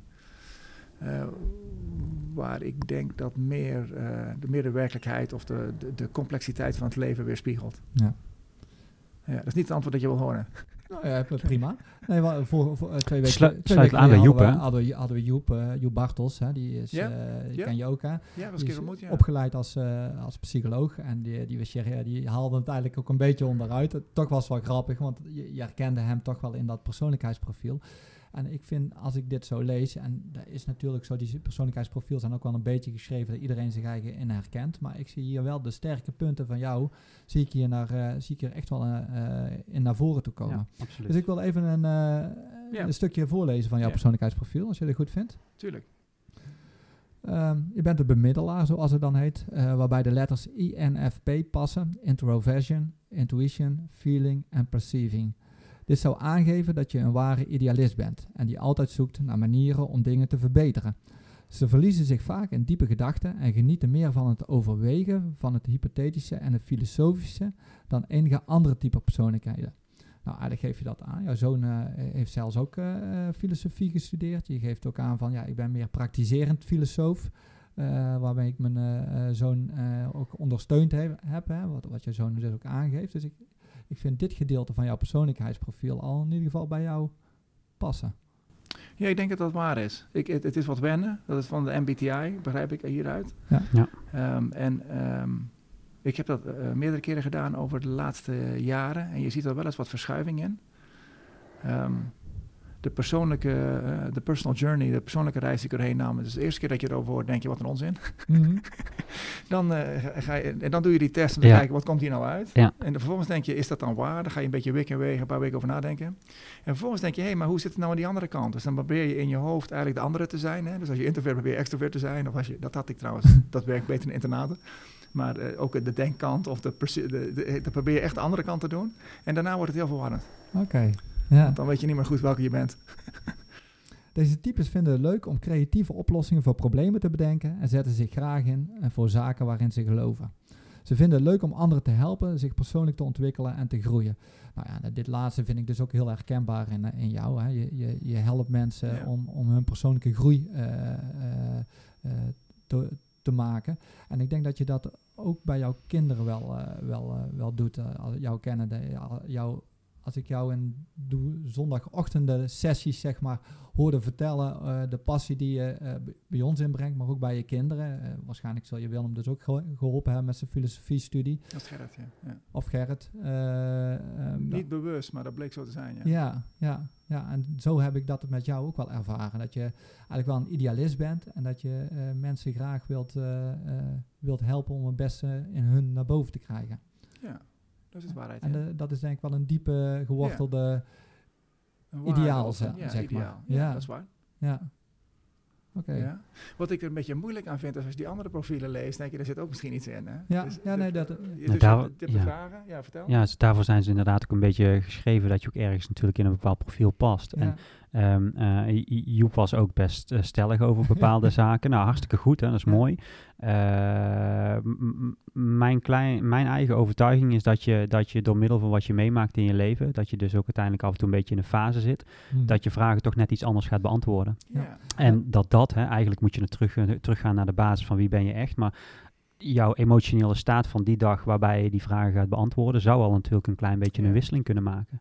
Ja. En ehm, het, het is wel zo, als ik dat nu dan in dit geval ook van jou, van jou lees, hè, in, in, in hetgeen hoe ver ik jou ken, ja, dan kan ik me eigenlijk daar wel heel ver in, in, in terugvinden. Ook met de historie die we dus net besproken hebben. Ja, ik, ik, zat, eh, ik zat in eerste instantie te worstelen met, eh, met, die, met die I van de introvert. Ehm, maar achteraf, ook met Joep gepraat te hebben, denk ik dat hij wel heel erg bij jou past. Ehm, Oh, maar daar twijfel ik niet aan. eh, gewoon omdat je je, je energie vooral eh, uit je eigen haalt, zeg Ja. maar. En niet zozeer uit je Ja. buitenwereld, denk ik. Ja. Ik moet zo nu en dan echt alleen zijn. Ja, ja en dan eh, denk ik een goed boek lezen. Ja. Even in het oneindige kijken. Ja, Ja. ja, Dan, dan laat Ja. ik op. Ja, precies. heerlijk. Ik denk dat, dat je Ja, daar je en een energie feestje, Een inderdaad... feestje kost me moeite. Ja, ja. Terwijl je ook helemaal op kan gaan in muziek en vrienden en zo. Hè, begrijp ik niet verkeerd. Ieder, Dat is Mhm. een soort continuum ook. Hè. Eh, en misschien is het als een Gauss-curve. En ergens zit je hier. En dan afhankelijk van omstandigheden denk ik Ja. dat je erin schuift. Ja. Ja. Plus, als je nou vroeg over internet. Ik denk dat ik extrovert werk veel beter als je heel vaak vreemdeling bent geweest. Mhm. Want anders ben je dan maar stil in de hoek en denk je, wel een rare vent. Ja, dan integreer je dus niet. Ja, En dan accepteren ze je niet. Ja. Eh, Jij Ja. moet je aanpassen. Ja. Ja. Ja. Ja. Dat is nou, of je vroeg over internaat en kostscholen. Dat is wat je leert op kostscholen. Ja, Ja. aanpassen. En je op mond open trekken, dat ze weten wie je bent. Ja. Mhm. Maar over een aantal van die andere. ehm, ja, ehm, ik zou zeggen, de, de, waar haal je informatie vandaan? Hè? Binnen jezelf of buiten jezelf? Eh, ik heb heel veel eh, aan de buitenkant. Eh, alleen, ik denk, als je gelukkig wil zijn in het leven, moet je ook aan de binnenkant leren kennen. Ik, praat er ook over die andere kant, exploreren misschien. En dan merk je dat je in het leven veel meer gaat schuiven. Beslissen is weer een beetje hetzelfde. Beslissen is thinking, doe je het op basis van denken of gevoel, even normale taal. Ehm, ik, de eerste keer dat ik die test deed, zat ik zo ver aan denken dat je bijna van de kaart afviel. Oh ja? Ja, ja. en dan denk je ook weer, ja, dat is gewoon een, een, een overlevingsstrategie. Want dat heeft mijn, mijn, my brain has always saved my life. Ja, Ehm, ja. En, je- en die kun je ook sturen. nou, die kan denken, dan moet ik het zeggen. Maar als je gelukkig wil zijn, kan je, moet je ook die andere kant exploreren. Mhm. En je noemde filosofie, om het een beetje aan elkaar eh, te zien hoe die thema's eigenlijk elkaar raken.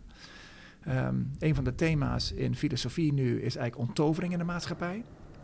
Eh, onttovering in de maatschappij is dat wij steeds proberen objectiever en, steeds, en, en de verhalen en het beleving gaan eigenlijk weg. Maar je kan ook zeggen eerste persoon versus derde persoon. Eerste persoon, hoe ervaar ik dat? Derde persoon, hoe kijken wij er van afstand op aan, tegenaan? Eh de- Daar ging trouwens eh, eh, de, het afstudeerde scriptie van Gerrit eh, was Taoïsme, perspectief op onttovering in de maatschappij. Maar er is ook een verschil tussen een soort resultaatgericht en eh, de mensgericht kant eh, in management. Maar dat is eigenlijk Mhm. allemaal dezelfde, eh, eh, eh, dat moet ik zeggen, twee keuzen waar je ergens in het continuum moet kiezen. Waar ga ik voor deze omstandigheden Mhm. kiezen, waar wil ik zitten? En als je het helemaal negeert, de gevoelskant, dan ben je misschien heel rijk, of misschien heel beroemd, of misschien weet ik veel wat de jeugd denkt dat je allemaal moet doen in het leven, maar misschien niet gelukkig. Mhm. Dus ik, ik zou iedereen aanraden om beide kanten te exploreren als je een vol leven wil leiden. Ja. Maar dat is iets wat je moet leren dus, Gert. Hè? Kijk, dat is, die- denk het gaat erom dat je, ja, ja, je, bent iets. Hè? Dat, is, dat kan natuurlijk uit die test komen. Maar ik denk dat je inderdaad jezelf kan ontwikkelen. Ja. En dan kun je dus andere antwoorden geven. Ja, maar ik zou ook willen uh, een little pushback op van of je echt iets bent of niet. Dus wat heb ik geleerd van toen ik Nederlander werd? Hè? Ik kwam naar Nederland, Nederlands spreken, geneeskunde Ja. gaan studeren. Ik was 20. Ik heb heel sterk de indruk dat 90 of 95 procent van wie ik dacht dat ik was, was gewoon mijn Amerikaanse achtergrond. Dat is gewoon mijn cultuur, mijn omgeving. Dus jij denkt dat dat waar is, maar je houdt jezelf eigenlijk voor de gek. Ja, Net zoals dat vijf, gouden vijf en gouden tientje. ja, Ja, dat is heel confronterend, want staat een Ja. cijfer op. ja. Maar had je gewoon een keer het huis opgeruimd dat je uiteindelijk zei van ik heb hem hier weer gevonden. Nee, nee, mijn, natuurlijk, mijn vrouw vond hem, en dat begrijp ik natuurlijk. Oh ja, ja, ja, je had niet gezocht. Maar die kwam Ja, ik had ergens tegen. gezocht, maar ik vond hem niet. Mhm. En dat is een erfstuk, hè? Dat is mijn, de oma van mijn oma Oh. heeft haar erfenis in gouden munten verdeeld tussen haar kinderen. Ja. En dat komt nu bij mijn dochter terecht. Oh, dat is wel heel Dat leuk. is heel bijzonder, ja. En, Ja. ik, en dat was een tijd waarin vrouwen geen eens mochten stemmen, als ik me niet vergis. Ik was Ja. er toen niet, maar... Ja. Dus eh, eigendom en, en de plek van de vrouw in de maatschappij. Dus Dus ik het zie dat ook als soort inspirerend van wat zij kan doen met haar leven, ja. Ja, ja een goed. symbool voor wat je zou kunnen bereiken. Precies, ja. En dat is dan eigenlijk nog net zo mooi natuurlijk als die munt zelf. De munt maakt geen flikker uit. Nee, nee, precies. Nee, het gaat met name wel- om het verhaal wat erachter Ja. zit. Ja. Ja. Ja, Nou, gaaf. ja. Ik hoop dat ze het niet hoort, want ze krijgt dan pas... Ze, ze luistert toch niet, toch? Ze luistert toch niet, toch? Ja, Sturen we door. We sturen deze podcast door. Ja. Ehm, vervolgens ben je eh, eh, geneeskunde heb je afgemaakt. Je bent eh, chirurg, chirurgopleiding gaan starten. Vervolgens ben je traumaschirurg geworden in Maxima. En je bent ook uitgezonden geweest door Defensie in Ja. Afghanistan. Ja. Ehm, daar heb je uh, naamsbekendheid gemaakt door, te- door iemands leven te redden, een jongen nog wel, Ja. ehm, die eigenlijk voor dood achtergelaten werd. Nou, er is misschien iets, iets, iets genuanceerder, zoals vaak. Mhm. Dus er was eigenlijk een jongen van ongeveer 12 Ja. en die was gestoken, bleek later, door zijn neef. Omdat zijn neef niet wilde dat hij meeging naar de winkel. Nu denk je, wat, wat heeft dat voor als je hier opgroeit? Ik heb ook kinderen binnengekregen die wiens benen beschoten zijn met Kalashnikovs. Dus eh, met vijf, zes eh kogels in het been. Omdat ze niet iets deden wat een oudere broer wilde. Dat zegt iets over het gebruik van geweld in de maatschappij om te krijgen wat je wil. Mhm. Ik heb ook een zeven maanden zwangere vrouw gezien. Haar man had haar in kokend water gedompeld. Boven haar enkels, omdat ze moest luisteren. Maar ja, dat overleef je enkels niet. Mhm. En die heeft gekozen eh, om dood te gaan. Dus het is een andere wereld, dat is wat ik Mm. meer te zeggen. Ja, Ehm, en Ja. je hebt andere medische omstandigheden. Dus ik denk als jij eh, in, een, in een normaal thoraxcentrum met dit probleem, in, eh, zeker in een grote stad in Amerika waar er heel vaak geschoten wordt, of Mhm. misschien in eh, de grote steden hier, dan is het ook makkelijker dan wat je doet in een container in een woestijn. Mhm. Ehm, het eerste probleem, ja, die had een pericardtamponade. Dus dat er eigenlijk bloed zit in het hartzakje, wat een heel stug zakje is om het hart. En dan kan het hart eigenlijk niet meer uitzetten. Hè. Dus die, op een gegeven moment kan het hart gewoon niet meer pompen. Ehm, ja, dat, dat, ja, dat, dat is niet zo heel moeilijk op te lossen.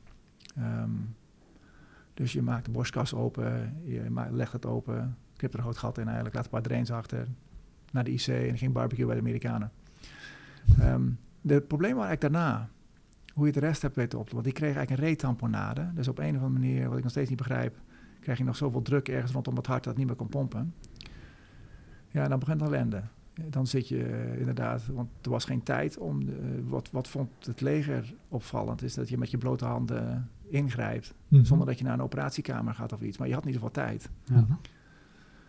En als je zegt, wat is er anders aan mij dan misschien dan een andere, want Nederland heeft hele bekwame artsen en hele bekwame medisch personeel, is, is het gewoon het durven creatief zijn en durven regels te breken. Mhm. wat, wat zeggen je collega's van jou hierover? Want Nee, dat- ja. Niks, nee. Ja. Dat- Nou, dat weet ik niet. Sorry, ik had je misschien je vraag moeten laten eh, uitspreken. Nou, ehm, eh, je hebt wel eens ooit, eh, ooit verteld dat het had ook twee kanten uit. In dit geval heb je het jongen dus echt een leven gered op wonderbaarlijke wijze. Daar word je nu Ja. voor geroemd. Hè. De, Ja. je, je hebt in de kranten gestaan, je bent op tv daarmee geweest. dat- dus het was een heel bijzonder verhaal. Ja, Maar hetzelfde geldt dat die jongen was, wa- wa- was komen te overlijden. Hè. Je had eh, toch een actie uitgevoerd die niet eh, ehm, een, een normale actie is voor een eh, chirurg misschien. En dan was er, eh, had je misschien wel voor een krijgsraad eh, beland. Of, Ja. Ja, nu denk ik, toen dacht ik dat zeker dat dat zo was. Nu, nu denk ik er wat genuanceerder over. Ehm, omdat ik denk van ja, als dat. Ik, ik, denk niet, ik denk wel dat mensen daar kritisch naar. Ik, ik, wat ik eigenlijk dacht dat toen ging gebeuren, is dat een, een, een tuchtcollege of iets ging kijken van. ik heb zoveel regels gebroken. Een Mhm. soort. Dat ik dacht, ja, daar ga je. Ja. Ja. Maar uiteindelijk eh, heb je gewoon de juiste keuzes gemaakt. Nou ja, kijk, als je gelijk hebt, dan. eh, de- ik wil ook zeggen, je moet gewoon zorgen dat je gelijk hebt. ja. Maar je kan het ook omdraaien. Dus wat, wat heeft het voor consequenties? Wat, wat leer je daar nou van, bijvoorbeeld voor de maatschappij hier? Is, ja, je, kan, je kan artsen, in dit geval artsen, hebben die zich netjes aan de regels houden. Hè? Die houdt je aan de richtlijnen. Weet je nog wat ik zei? Elk systeem heeft winnaars en verliezers. Ja. En als je het systeem verandert, heb je nieuwe winnaars, nieuwe verliezers. Mhm. Dus je kan je aan de regels houden. Dat heeft winnaars en verliezers. Ehm ook verliezers in het huidige systeem. Ja. Ehm, ik heb de regels gebroken en gewonnen. Ja, eh, dan heb je gelijk. Mhm. De meesten zouden kiezen om de regels niet te breken. En zeggen, ja, het was gewoon niet mogelijk. Bang voor de consequenties. Ja. Hm. Maar ook omdat er hele organen bestaan die, die dat toetsen. Die, eh, en, Ja. en er moet ook toetsing zijn. Ik Ja. niet een pleidooi voor geen toetsing. Elke mens heeft grenzen nodig. Absoluut. Eh, want ik vind het echt, je mag geen cowboy zijn. Je mag ook geen medisch toerist zijn en zo. Dat vind ik echt diep in mijn hart. Ehm, maar ja, ik weet... En, en later kwam ik erachter dat een aantal van die heilige... heilige bijvoorbeeld eentje was... Kijk, je moet, wat, wat, wat heb je? Je bent al twee uur bezig met al masseren. Eh, Iedereen heeft alles al gedaan wat er kan gebeuren. Je hebt ook een, een, een arterielijn erin. Hè? Dus als je iets harder kneept, ging het bloed omhoog. iets zachter knijpen, ging het bloed omlaag. Je kon gewoon, nou, zullen we 80 aanhouden? Kom, we houden 80. Dat moet genoeg zijn. Doen zijn ogen het nog? Ja, zijn ogen doen nog. En dan denk je van, ja, maar je kan, niet, eh, je kan natuurlijk niet drie weken hier gaan staan masseren. Dat gaat niet. Nee, Ehm, je moet een stap verder. ja, een hart-longmachine, al die dingen heb je daar niet. Dialyse heb je daar niet. Dus er zijn andere omstandigheden. Ja, en dan denk je van, oké, dan gaan we medicijnen uitproberen. En op een gegeven moment spoot ik adrenaline in het hart. Eerst in de rechter ventrikel, dat is niet goed. heb je een fonteintje erbij, moet je weer overhechten. Linker ventrikel, dat gaat beter. Ligt aan de achterkant, hè. En dan zag je dat het hart weer even pompte. En dan denk je, hé, wacht eens even. Als dat reageert op adrenaline, even los van het feit dat mijn vingers eigenlijk nog tintelen van alle klappen die ik gegeven toen ik suggereerde om adrenaline te geven aan een patiënt Ja. op een IC waar ik ooit op heb gewerkt. Ja. ik zal de naam niet noemen. Ehm, dan denk je, hé, nu wordt het een delivery problem. Dan moet er gewoon een aanbodsysteem. Maar dit Ja. is kwetsbaar genoeg, te, nou, even voor duidelijkheid, dat als je de borst dicht deed, stopt het met kloppen. Als je tegen het bed aanstoot, dan stopt het hart met kloppen. Ja, Eh, dat is heel kwetsbaar. Maar op een gegeven moment kregen wij op een pure adrenalinepomp, eh, bleef die pompen. En dan weet je eigenlijk, nu doet hij het eigenlijk zelf. Ja. Eh, maar dan over het pure feit of je adrenaline mag geven over een pomp. Ehm, ik was toen een jongere arts dan nu. Eh, mij was geleerd, dat mag je eigenlijk nooit doen. Niemand kon mij uitleggen waarom niet trouwens. Want Ja. als het werkt, zou je zeggen het werkt. Ja. Ehm, maar ik ben ook later achtergekomen dat er andere landen zijn. Nee, dan- natuurlijk mag dat. Ja. Dus er was een Nederlands iets en een lokaal iets. En dus een beperking aan mijn levenservaring. Ja. Waardoor ik er stress van kreeg als iemand dat gaat toetsen. Ja. Ik heb iets gedaan wat eigenlijk mij aangeleerd is, dat mag ik niet. Mhm. ja. En dat bleek een veel genuanceerder verhaal te zijn dan, dan wat ik Want in een ander land zou dergelijke dingen misschien wel mogen. Ja, en misschien in, Nederland, in Nederland- misschien inmiddels in Nederland Ja, ook. het, het wetboek en het handboek Ja. is anders. Ja. En ik vind, je moet eigenlijk artsen hebben die ervoor gaan. Ni- Niet als een of andere wilde cowboy of iets anders, maar gewoon die proberen te winnen in plaats van niet verliezen. Mhm. Ja, Eh, Ja, eh, ja. Te veel de regels is bijna niet verliezen. Hè? Dan wil ik eigenlijk aan de andere kant eh, Ja. een vraag stellen daarover. Van, mo- moet je iedereen wel willen oplappen dan? Is het, tot, tot hoe ver ga je daarmee? Van, eh, je, je, je ziet veel eh, patiënten veel die zware trauma's hebben opgelopen. Ja. En tot, tot, tot waar ga je als traumachirurg dat je, dat je niet wilt verliezen? Tot hoe ver dat is een ga je hele goede iemand, vraag. tot Dat hoe een ver ga je om iemands leven te redden? Ja, dat is ook met, met dat is een hele goede vraag. Eh, en uiteindelijk kan ik ook maar vertellen wat mijn kijk daarop is. Kijk, dit was een 12-jarige jongen die normaal nog 70 jaar leven, wijze van spreken. En ik keek naar zijn ogen en zijn pupillen deden het nog. Dus ik denk, nou, neurologisch zal het nog wel. Hij heeft nog, zijn brein is niet dood. Eh, als je brein leeft, ga je weer een mens hebben. Dus je gaat. En ze kunnen heel veel hebben. Je hebben veel, ik bedoel, ze hebben heel fysiologische reserve. Mhm. Ik kan ook zeggen, ze hebben veel rek. Kunnen veel opvangen. Ja. Eh, Als je mij vraagt wat is ouder worden, de rek gaat eruit. Mhm. Qua bewegen, qua lo- Ja, hart, alles. longen, Ja. alles. Herstel. Herstel, alles. eh. Dus ik vind dat je kan gaan. Ehm, ideaal weet je van tevoren wat iemand wil. Dat is ook natuurlijk een geloof. Ik geloof dat ik mij moet houden aan wat jij wil. Mhm. En dan voer ik het gewoon uit. En dat kan ook betekenen dat je dood wil. Ja, dat kan. Mhm. Er, is, er komt toch een eind aan. Ja. Ehm, want jouw vraag is natuurlijk nu, wat doe je nu? Mhm. Eh, mensen die, eh, hoe, ver ga je? Ja, of dat je inschat van iemand die blijft leven lang een bepaalde handicap houden nadat Ja, je hem, het eh, liefst zou ik hebben dat ze het zelf kiezen. mhm. Maar Dus dat ook- gaat niet altijd. Nee, dus dan moet je ze door de moeilijke periode heen trekken en dan vragen. Want ze komen binnen, je kan niet van tevoren, ze komen gewoon binnen. Ja. Je, het is Ja. niet alsof je nou van tevoren eh, kan Nee. vragen. Nee, wat je wil moet het split second, moet je keuzes gaan Ja. maken. Wat je wel doet en wat je niet doet. Ja. Ja. kies ik voor het leven. Ja. Maar ik kan ook een verhaal vertellen. Dus eh, met de derde of tweede uitzending. hè. De derde uitzending was met de US Navy. Eh deden we ook redelijk wat neurochirurgie. Ik was ook een neurochirurg. En eh, die ben ik maar, ik ben alleen betrokken bij de reconstructie van een schedel. Dus ik heb nooit niet de hele behandeling. Omdat ik nieuwsgierig was, hoe gaat die Amerikaan nou een schedel reconstrueren? Dat deed hij met titanium en cement en zo. Dat is heel leuk. Nou, dan heb je weer een vaardigheid erbij. Ehm, terwijl neurochirurgie is natuurlijk mijn basisvak. En net zoals thoraxchirurgie is ook niet mijn basisvak. Ehm, maar er was een kind, die had al heel lang behandeld. Had eh, restafwijkingen. Had na zes weken was hij eigenlijk ontslag klaar. Had ze teruggegeven aan de familie. Ja, en de volgende patrouille vond dat meisje in de sloot. eh, twee kilometer buiten het kamp. Want de familie wilde er niet mee te maken hebben. Mhm. Zo. Ja. En op een gegeven moment kwam ook, dus dat was een indrukwekkend geval, maar oh, later kwam de Rode Kruis van, hé, hey, met die neurochirurgie, stop alsjeblieft, want wij kunnen ze, wij, ja, er wordt iemand wordt vegetatief, hè, je kan ook zeggen in de volkstaal een plant. Ehm, ja, wij kunnen, daar, wij kunnen daar niks mee. Je bent niet aan het helpen. Hmm. Ik denk ook wel dat, dat de natuur zijn gang laten gaan, oftewel iemand dood laten gaan, ook wel hoort in je arsenaal. Maar bij voorkeur in goed overleg. dat iemand mag krijgen wat hij wil. Maar dat is ook maar een geloof. Hè? Ja. Ik geloof dat jij Ja. mag doen wat jij wil. Ja, Ja. dat is een geloof. Ja. Dat zijn wel moeilijke kwesties dit, Ja. hoor, als je dat eigenlijk zo, eh, zo Zeker, schetst, moet ik ja. eerlijk zeggen. Ja. Ja. het lijkt me ook wel heel dan, het lijkt me ook wel het moeilijke aan, aan je vak, eerlijk gezegd. Ja. Ja, Nou, het is natuurlijk, eh, eh, ehm, in Nederland heb je veel collega's. Heb je vaak tijd. Eh, er zijn natuurlijk mensen die hier ook al over na hebben gedacht. Daarom kom je ook met richtlijnen. Ja. Daarom ben ik ook blij met Nederland. Je hebt vaak richtlijnen en niet wetten. ja. Eh, Mhm. dit zijn de concepten. Ja. Ehm, Ja, dat Ja. geeft je ook meer vrijheid om af te kunnen wijken van een Ja. richtlijn. Ja. Ja, en ik vind ook als je dat gegrond kan doen, wij doen het vaak niet omdat het ook, ja, ik weet niet waarom, maar het lijkt steeds meer dat mensen toetsen of doen, Ja. waardoor je in je hoofd denkt, oh ik moet me verdedigen.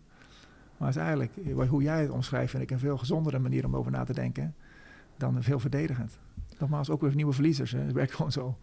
Nou heb je het eigenlijk over hardcore geneeskunde, hè? Ja. want dat is echt het redden van, van mensenlevens. Ja, Eh, zeker eh, jouw uitzendingen bij, eh, bij Defensie.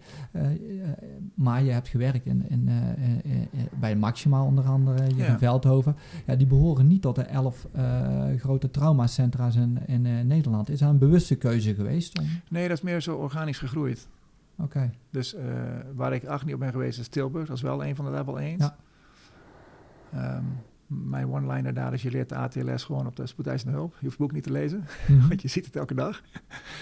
Ehm, Veldhoven, weet je nog, twee dames ruzie. Daarom heb ik mijn plek. Zoveel plekken zijn er niet. ja, daar terecht je, gekomen. je Ja. neemt wat je kan krijgen. Ja. Dat was Veldhoven en Nijmegen. Twee hele mooie ziekenhuizen. Ehm, In level 2. Ehm, ik denk eigenlijk dat Nederland naar minder traumacentra moet. Dus eh, de, de, je mo- kan moeilijk zeggen, ik ga nu heel hard vechten dat wij eh, het grote centrum Mhm. gaan zijn. En ehm, er werd mij eigenlijk in mijn vierde jaar gevraagd of ik interesse had om terug te komen, wat een groot compliment is. Maar eh, ook met de defensierol. Dus het was ook een bewuste keuze, bewuste keuze voor defensie. Eh, ook omdat er misschien een, een, een plaats was om, om een promotieonderzoek te doen, of heeft er dat niet mee te maken? Want je bent in 2014 ben je Ja. gepromoveerd. eh. Ja, nou, dat is misschien ook meer eer aan mijn begeleiders dan aan mij. Ehm, ik, ik vond dat, maar ik, ik, je schetst iets over de wereld waar ik uitkom. Je schetst iets over mijn persoonlijkheid. Mhm. Ik heb heel veel nagedacht over wat is waar en niet waar. Mhm. En in de verlengen daarvan, vond een, ik vond dat je eigenlijk moest promoveren gewoon voor de ervaring. Oké. Terwijl ik het een bijna doodervaring vond. En voor ja, duidelijkheid, eh, Daar wilde ik nou van. Wat was jouw ervaring? ik vond het vreselijk. Het was ook niet een alledaags onderzoek eh, passend bij een, eh, passend bij een traumachirurg. eh. Nou, het begon tijdens mijn opleiding. Dat was dan niet, niet zeker dat ik traumaturg ging worden. Eh, vaak, opleiding chirurgie? Ja, of welke opleiding chirurgie. Oké, Ja. ja. En vaak is dat iets waar mensen om jou heen al mee bezig zijn en jou bij betrekken. Mhm. Ehm, mijn grap is altijd, ik was te laag met, met, met bukken toen ze zoeken wie gaat dat doen. Eh dat is bij het je bent te groot, eh, wil je zeggen. Ja, Ja, want je bent, hoe groot ben je? Gert? 1 meter 94. 1 meter 94. Dat je net niet ontwijkt, dat je weer, weer Ja. rust hebt. Ehm, ik vond dat ook een keurslijf, eh, wat deels terecht is. Ik zou, ik zou zeggen, als je nu promoveert, ki- kies iets waar je denkt dat bij jou hoort en waar het naartoe gaat in jouw leven. En eh, zorg dat je er ook een ervaring van hebt, dat, je, dat het jou vormt als mens. En neem de tijd ook om iets te laten vormen. Want nu wordt het ook allemaal soort, moet allemaal zo doelbewust, weet je nog, ervaring versus eh, resultaatgericht. Mhm. Ja. Het is allemaal resultaatgericht. heb- Maar wij vergeten die ervaringskant, onttoveringmaatschappij. Ja. Ik maak me alleen maar druk over de tijdspad die ik Ja. moet volgen, want ik moet Ja. iets af hebben en Ja. vervolgens moet ik weer door. Ja, Ja. die druk is enorm. Ja. Ja. Want ik zou zeggen, laat het jou vormen. Ja. Echt, Ja. echt, want je gaat ook pijn, ja, vormen doet ook pijn. Hè? Je kan ook spierpijn hebben van bewegen. Ja. Dat gebeurt ook hier. En denk na over, over echt van, wat is, eh, meet ik nou wel wat ik meet in kennis en niet alleen maar de doelen. Eh, waar ging het onderzoek dan precies over, eh, Gert? nou, dit ging over de rol eigenlijk van sentinel nodes bij borstkanker. En Oké. of je eigenlijk kon voorspellen wie het niet nodig had. Dus hè, je hebt altijd borstkanker, is primaire tumor. Uitzaaiingen zegt iets over de agressiviteit van die tumor. Ja. 100 jaar geleden werd iedereen, kreeg eigenlijk een hele grote amputatie, inclusief borstspieren. Ja. Maar toen had je ook eh 98% van alle mensen hadden al uitzaaiingen in de oksel toen ze bij een dokter kwamen. Vrouwen mochten ook niet stemmen, hè? Andere maatschappij, weet je nog? Ja. ja. Ehm, nu met, met, met de bevolkingsonderzoeken en andere dingen ben je steeds vroeger in de fase. Want ik denk zelfs dat, dat nu beginnen mensen te twijfelen of je überhaupt een Sentinel Note moet doen, waar mijn promotie toen over ging. Ja. En ik denk dat het terecht is. Ja, het ging eigenlijk als uh, de, de poortwachterskleren eigenlijk als voorspeller Ja, voor, het, voor uitzaaiingen bij ja borstkanker. dat, je, dat, was- je ze een, een oxygeerde sectie kon sparen. Oké, ja. Dat is eigenlijk het thema van al die onderzoeken. Ah. Het eindigt ook met, een- met eh, normogrammen om te voorspellen wie wel en wie niet. Hè? Mhm. Ja. Oké. Dat is hoge statistische wiskunde. Nou, de volgende stap was eigenlijk, je werd, eh, eh, je werd medisch directeur in Maxima Medisch Centrum. Wat heeft jou doen besluiten om toen naar de Harvard Business School te gaan? Vond je dat nodig? Mis je, dacht je dat je kennis miste? Of, Ja, ja ik, ken, ik denk kennis, uiteraard. Eh, ik denk avontuur, maar eigenlijk iets anders. avontuur, hoezo? Wij, ehm, nou, ja, eh, iedereen heeft ooit wel eens van Harvard gehoord. En iedereen denkt wel eens een keer, goh, zou het mij lukken om daar te mogen studeren? Mhm. Ehm, ik, ik heb heb ik heel- nooit gedacht. eh. Huh? ik zeg, dat heb ik nooit gedacht. Nee, maar ik zou ook zeggen, de eerste stap is denken dat je het misschien kan. Oké. Dat, dat denk ik echt. Want dat zijn ook, was het 1 op 10 of zo, dat er Mhm. net niet zo erg als twee vrouwen ruzie. Ehm, nee, dat was iets anders. Je had toen, eh, eh, want je zegt medisch directeur, dat is een veel groot woord voor wat ik deed. Ik, ik was eigenlijk de, de, de medisch eh, hoofd van de snijdende cluster. Mhm. Maar ik had ook een rol bij de artsen. Dus de vrij, artsen kunnen in loondienst zijn of vrijgevestigd. Eh, bij de vrijgevestigde artsen, dat is in Nederland al een langere politieke actie dat ze iedereen in loondienst willen hebben. En toen was er weer zo'n soort golf van, van, uit de politiek van er moet een loondienst. Ik weet niet beter of goedkoper, maar goed, dat is mijn probleem niet.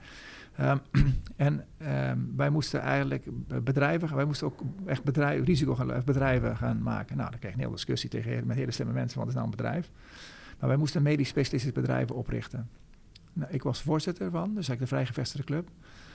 En ja, ik, ik kan daar een heel moeilijk verhaal, maar ik was er zo'n gynaecoloog die zegt, waarom denk je dat je dat kan? Terwijl ik dacht dat ik best wel goed ging. Mhm. Dus ik dacht, ja, dan gaan we gewoon een fatsoenlijke opleiding halen. En dan kan je kiezen binnen geneeskunde, buiten geneeskunde en binnen Nederland, buiten Nederland. En ik heb buiten allebei gekozen. Oké. Omdat ik dan dacht van, ik ben heel associatief. Dus ik Mhm. dacht, ik ga ideeën zien in andere industrieën en ik ga daar een goed idee dat ik hier kan toepassen en dat hier beter kan maken. Mhm. Is dat gelukt? Er is, eh, ik was een vis in water daar. Ja, dat is een ontzettend, dat is, eh, als jij of een van jouw geliefden daar mag studeren, zou ik het doen. Mhm. Het is een ongelooflijke ervaring. Want? De eerste college was op zondagmiddag. En dat ging eigenlijk over hoe kan je sneller leren.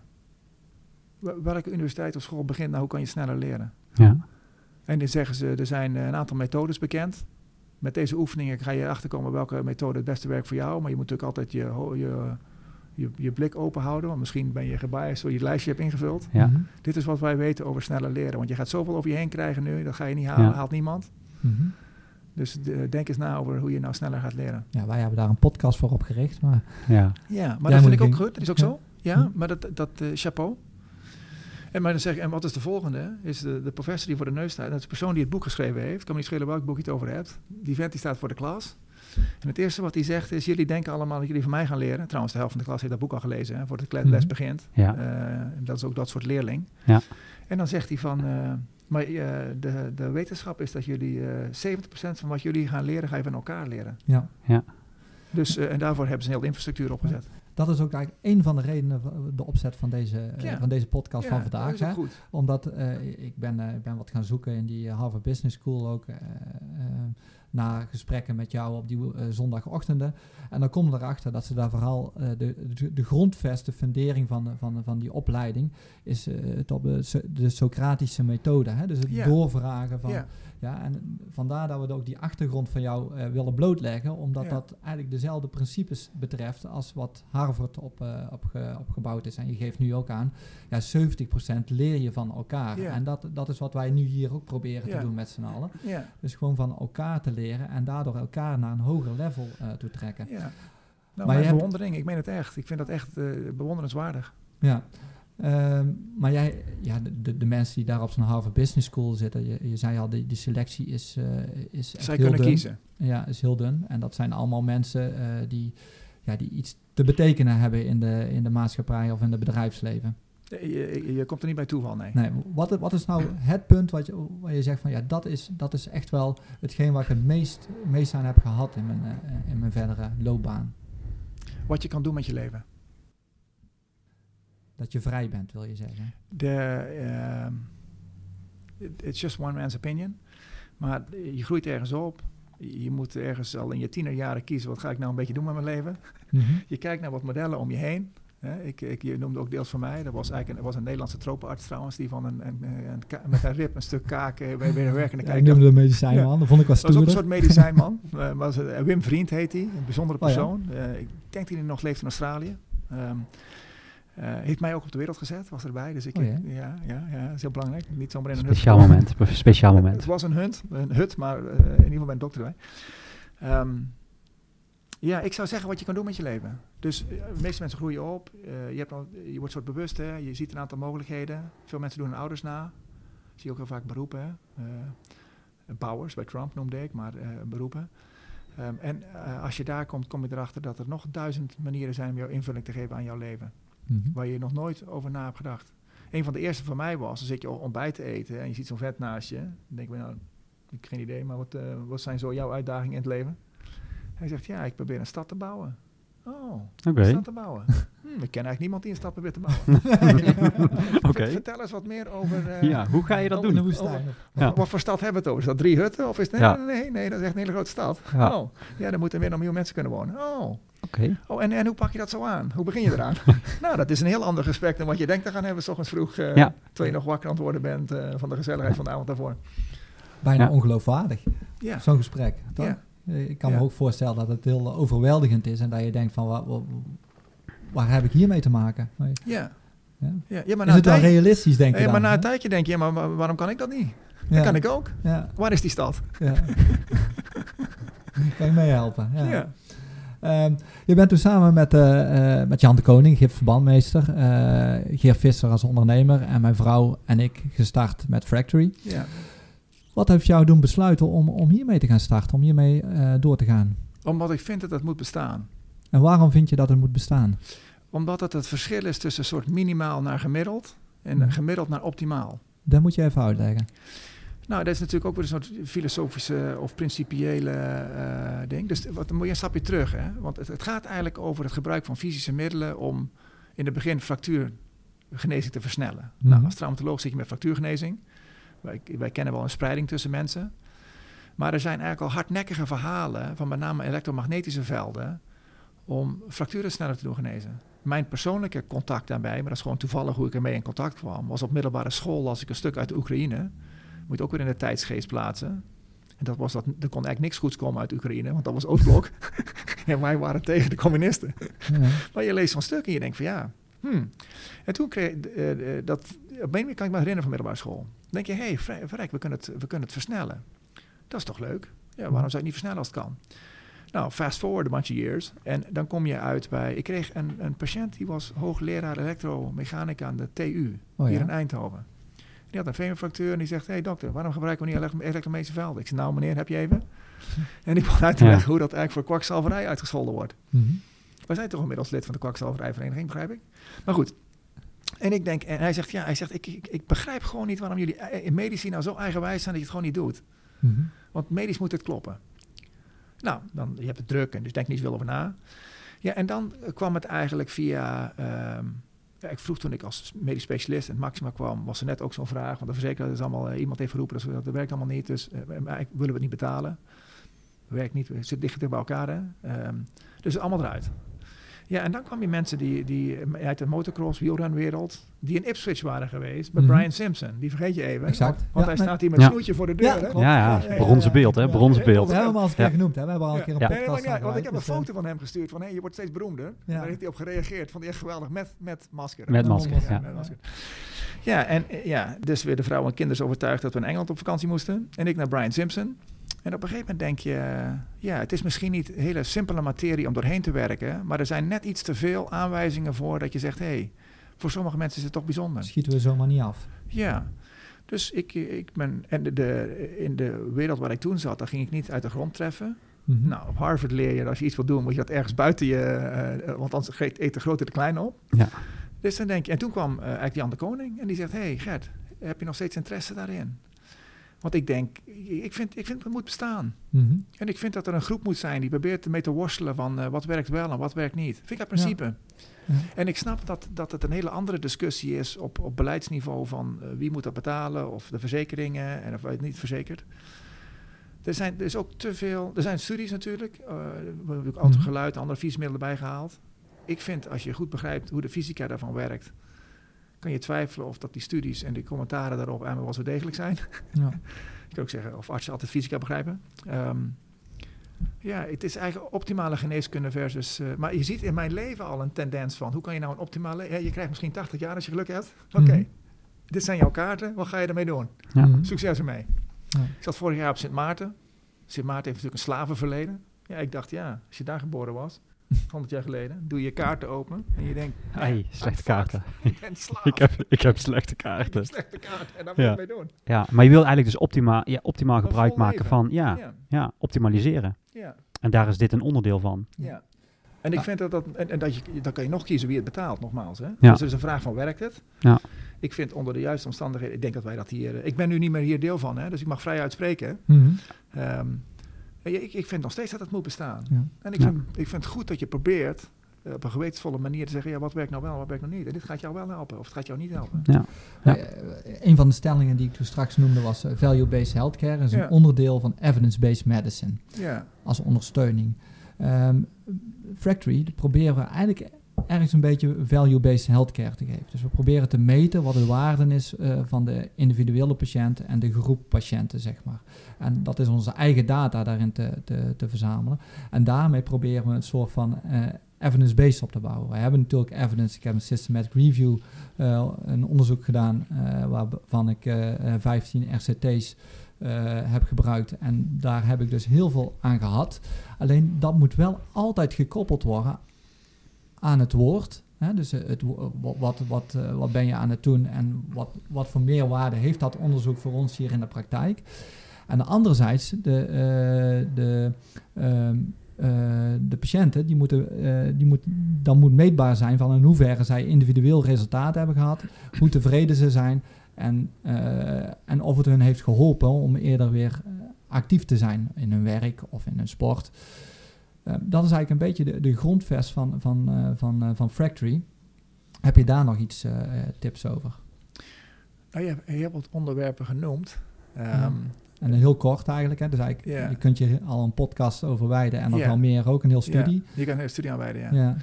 Ja, dus je weet dat ik geloof dat je eigen resultaten moet bijhouden. Dus Ja. los van alle mooie studies, gewoon heel goed je eigen resultaten bijhouden. Wat het natuurlijk kan kleuren is placebo-effect. Ehm, waarbij je ook een argument kan houden, eh, ja, if it works, never forget the voodoo, Eh, Mhm. het, het werkt. Ehm, je zou er zelfs een pleidooi voor kunnen houden. Met andere woorden, wij zijn zo eh, proberen objectief te zijn, hè? eh, beleving versus objectiviteit, hè? onttovering van de maatschappij. Ja. Dat we daarmee misschien mensen minder gelukkig maken, minder laten bewegen. Mhm. Ehm, dus, en, en ik denk dat je begint met je eigen resultaten. Het begint met weten wat anderen hebben gedaan. Ehm, en ik vind placebo-effect. Wat weet ik over placebo-effect? Ja, dat de pillen, want dat weten we uit de cardiovasculaire geneeskunde, kunnen een placebo-effect hebben van 30 tot 40 procent eh, genezingsefficacy, zoals het heet. Chirurgie 70 tot 80. Heeft een heel hoog voodoo-gehalte. Mhm. Dat weet hè, collega Raume, die allemaal hele leuke studies doet in het Maxima. Ja. Dat je een beetje lucht in blaast, sneetje, een littekentje en dat is ook eh, 70 tot 80% genezen. Meniscus onder andere. Dat is Meniscus wat- is wat- bewezen. Ja, Ja. dat is Ja. eh, een mooi Deens onderzoek geweest. Ehm, ja, dan, dan ga ik toch een, een pleidooi even houden. Is, eh, je moet heel goed weten wat je ontologie is. Dus jouw beeld van de werkelijkheid. Onze beeld van de werkelijkheid. Mhm. Is er een eh, realiteit buiten jezelf? Of is het alleen maar binnen jezelf? Of zit er ergens tussenin? Hè? Placebo-effect zit er misschien binnen jezelf. Helemaal effecten zitten aan de buitenkant. Dus als je discussie begint hierover, wees bewust van je ontologisch niveau waarop je spreekt. Volgende is epistemologie. Wat aanv- aanvaard jij als waarheid? Wat, wat, wat voor soort evidence of wat voor soort gegevens, eh, beleving zou je zeggen, nou, hiervoor doe ik het. En hiervoor, dit geloof ik niet. Wees er bewust van de, de en dan kom ik bij axiologie, is de derde parameter. Axiologie is eigenlijk je normen en waarden, je cultuur. Je kan zeggen, wij opereren iemand eh, en weten we dat we eh, x aantal te veel opereren, maar dan vermijden we een complicatie. Of je zegt, we wachten de natuur af en dan houden we zeker over wie we moeten opereren. Ja. Eh, dat, dat geldt hier ook. Maar je moet van die, op die drie, die, die drie niveaus, daar kan je een leven aan besteden om elk van die niveaus uit te zoeken, even voor duidelijkheid. Dat werkt niet. Maar als je daar bewust van wordt, dan kan je filteren en ook in een gesprek met een ander als hij al een heel ander eh, eh, ontologisch niveau heeft om te spreken, dat is heel moeilijk om te communiceren. Want Mhm. de een ziet de hele tijd links, Ja. de ander ziet de hele tijd rechts. En wat voor rol zou value-based healthcare hierin kunnen hebben? Nou, value-based health komt natuurlijk van Michael Porter en Bob Kaplan. Mhm. Eh, die, die ken ik. Ehm, die, eh, Leraar. Ja, zijn leraren aan Harvard Business School. Michael Porter die gaat nu door eigenlijk om de politiek proberen op te lossen met eh, vergelijkbare ideeën. Dus nu spreekt hij heel veel over de politiek, met name in Amerika. En Bob Kaplan heeft een manier eh, gevonden om kosten te berekenen in een bedrijf. Op een, op een meer accurate eh, en toch makkelijke manier om kosten te berekenen. Want de kern van value-based healthcare is eigenlijk uitkomsten over de kosten. Mhm. Hoeveel uitkomsten zijn we nou aan het kopen voor onze euro gezondheidszorg? Ja, uiteindelijk wel. Ja. dat is de kern. Maar over die uitkomsten, ja, daar kom ik weer. De, de- uitkomsten. Ja, is- en, en, en de kern van value-based healthcare is dat je zelf je, je, je data verzamelt, als het ware. ja, ik, ik zou die twee lostrekken van elkaar. Ehm, want ik zou eerst zeggen, moet je dezelfde taal spreken over wat is nou eigenlijk precies value-based healthcare. Mhm. Ehm, maar dat is maar mijn mening. Eh, en en die, die, die ideeën zijn eigenlijk vrij abstract. Want ja, iedereen, als je dat vertelt, gaat iedereen mee eens zijn. Maar dan denk je de vraag, oké, maar, maar hoe ga ik dat nou toepassen? Wat betekent dat nou concreet? Nou, daar heb ik ook een kijk op, ook maar één one man's opinion. Maar er zit natuurlijk een belevingskant van de patiënt in.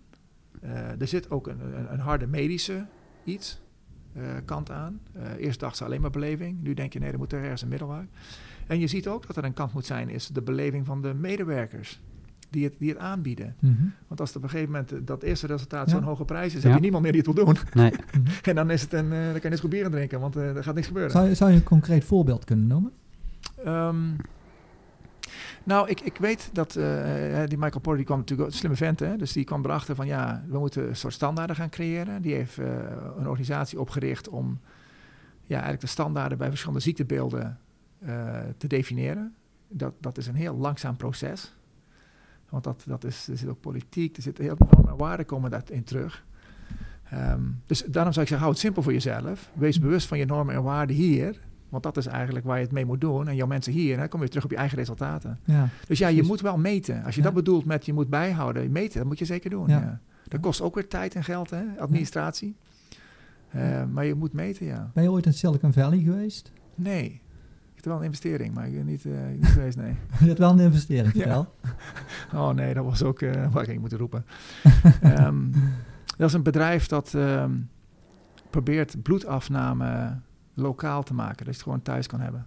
Oké. Dus ik denk, Ja. ik denk een trend in de geneeskunde gaat zijn dat wij steeds minder in ziekenhuizen, steeds meer thuis. Ja.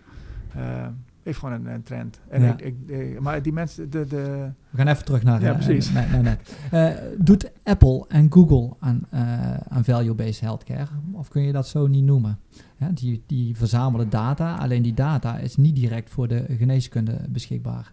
Hè, eh, die, Philips ook, hè, die, die, die, die gaat nou investeren in MRI's en ook daarin genereren ze data. Is dat voor een eigen bedrijf of is het ook echt bedoeld om de geneeskunde eh, slimmer en beter te maken? ja, dat is een politieke discussie. Mhm. Dat is een politieke discussie.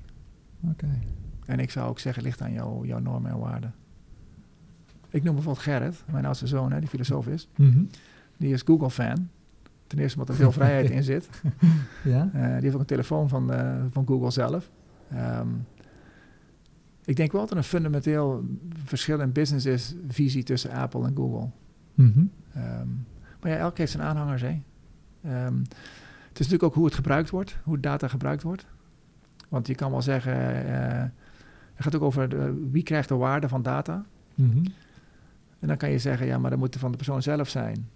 Dan kan je zeggen, ja, maar als jij het alleen hebt, mijn data, daar kan je Is, niks wein- is weinig waard. Ja, je kan het niet eh, eh, vergelden. Nee. Ehm, als je Google neemt en Apple, ja, je kan, die hebben wel de, de wereld beïnvloed. En ik denk voor veel mensen de wereld beter gemaakt.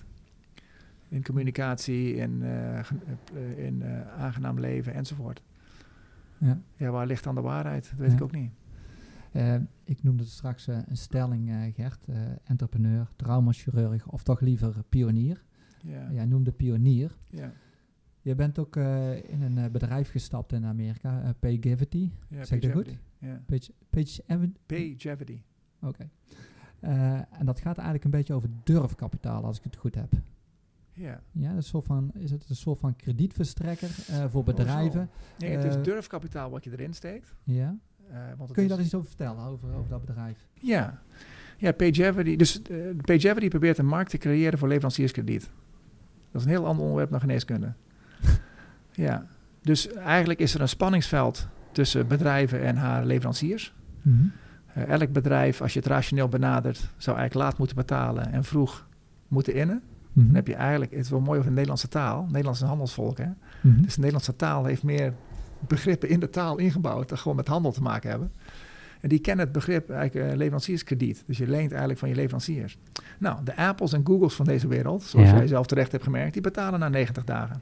Mhm. Dus die hebben een machtspositie. Dat Ja. ze gewoon kunnen zeggen, jongens, als jij, Absoluut. je, prima dat je zaak doet met ons, Ja. maar eh, je krijgt pas na 90 dagen je geld. Dus die bedrijven moeten eigenlijk al wel heel vermogend zijn om, om die maanden te kunnen, die 90 dagen te kunnen uitzitten voordat de Apple of Google zeg maar betaalt. Ja, je kan het ook omdraaien. Als je dichter bij huis, je bent een kleine leverancier van voedingsmiddelen en jij eh, haakt, eh, weet ik veel, eh, Albert Heijn of de Jumbo, mag je gaan leveren? Nou, ben je blij, want dan, dan zeggen ze van ja, dat is leuk en aardig, maar binnen een jaar moet je twee keer zoveel leveren, want met zoveel kleintjes willen we niet werken. Mhm. Ook goed, maar dan moet je groeien. En om Ja. groei te doen moet je kapitaal in je bedrijf kunnen steken. Maar het is een heel oud probleem wat we beweren. Het probleem is gewoon het spanningsveld dat het eigenlijk voor iedereen's belang is om laat te betalen en vroeg. Ja. goedkoop geld, gratis geld. Niet te gaan lenen. Ehm, nu zijn er allerlei alternatieven voor eh, beschikbaar. De, de, de wereld van eh, high finance is heel gesofisticeerd. Bijna alles kan je financieren en kan je iets mee doen. Zeker in New York. Ehm, en eh, de oprichter heet Neil Rothenberg. Die heeft een carrière op Wall Street eigenlijk doorgebracht. Wat in Amerika niet zo'n hele goede naam heeft. Maar er zitten wel heel veel slimme mensen. Er is een reden waarom Wall Street Wall Street heet. Het is gewoon heel veel slimme gasten die gewoon goed weten hoe de wereld werkt. Die het soms ook in hun eigen zak steken en soms voor iemand anders. Dus het is niet, niet per se een veilige plek.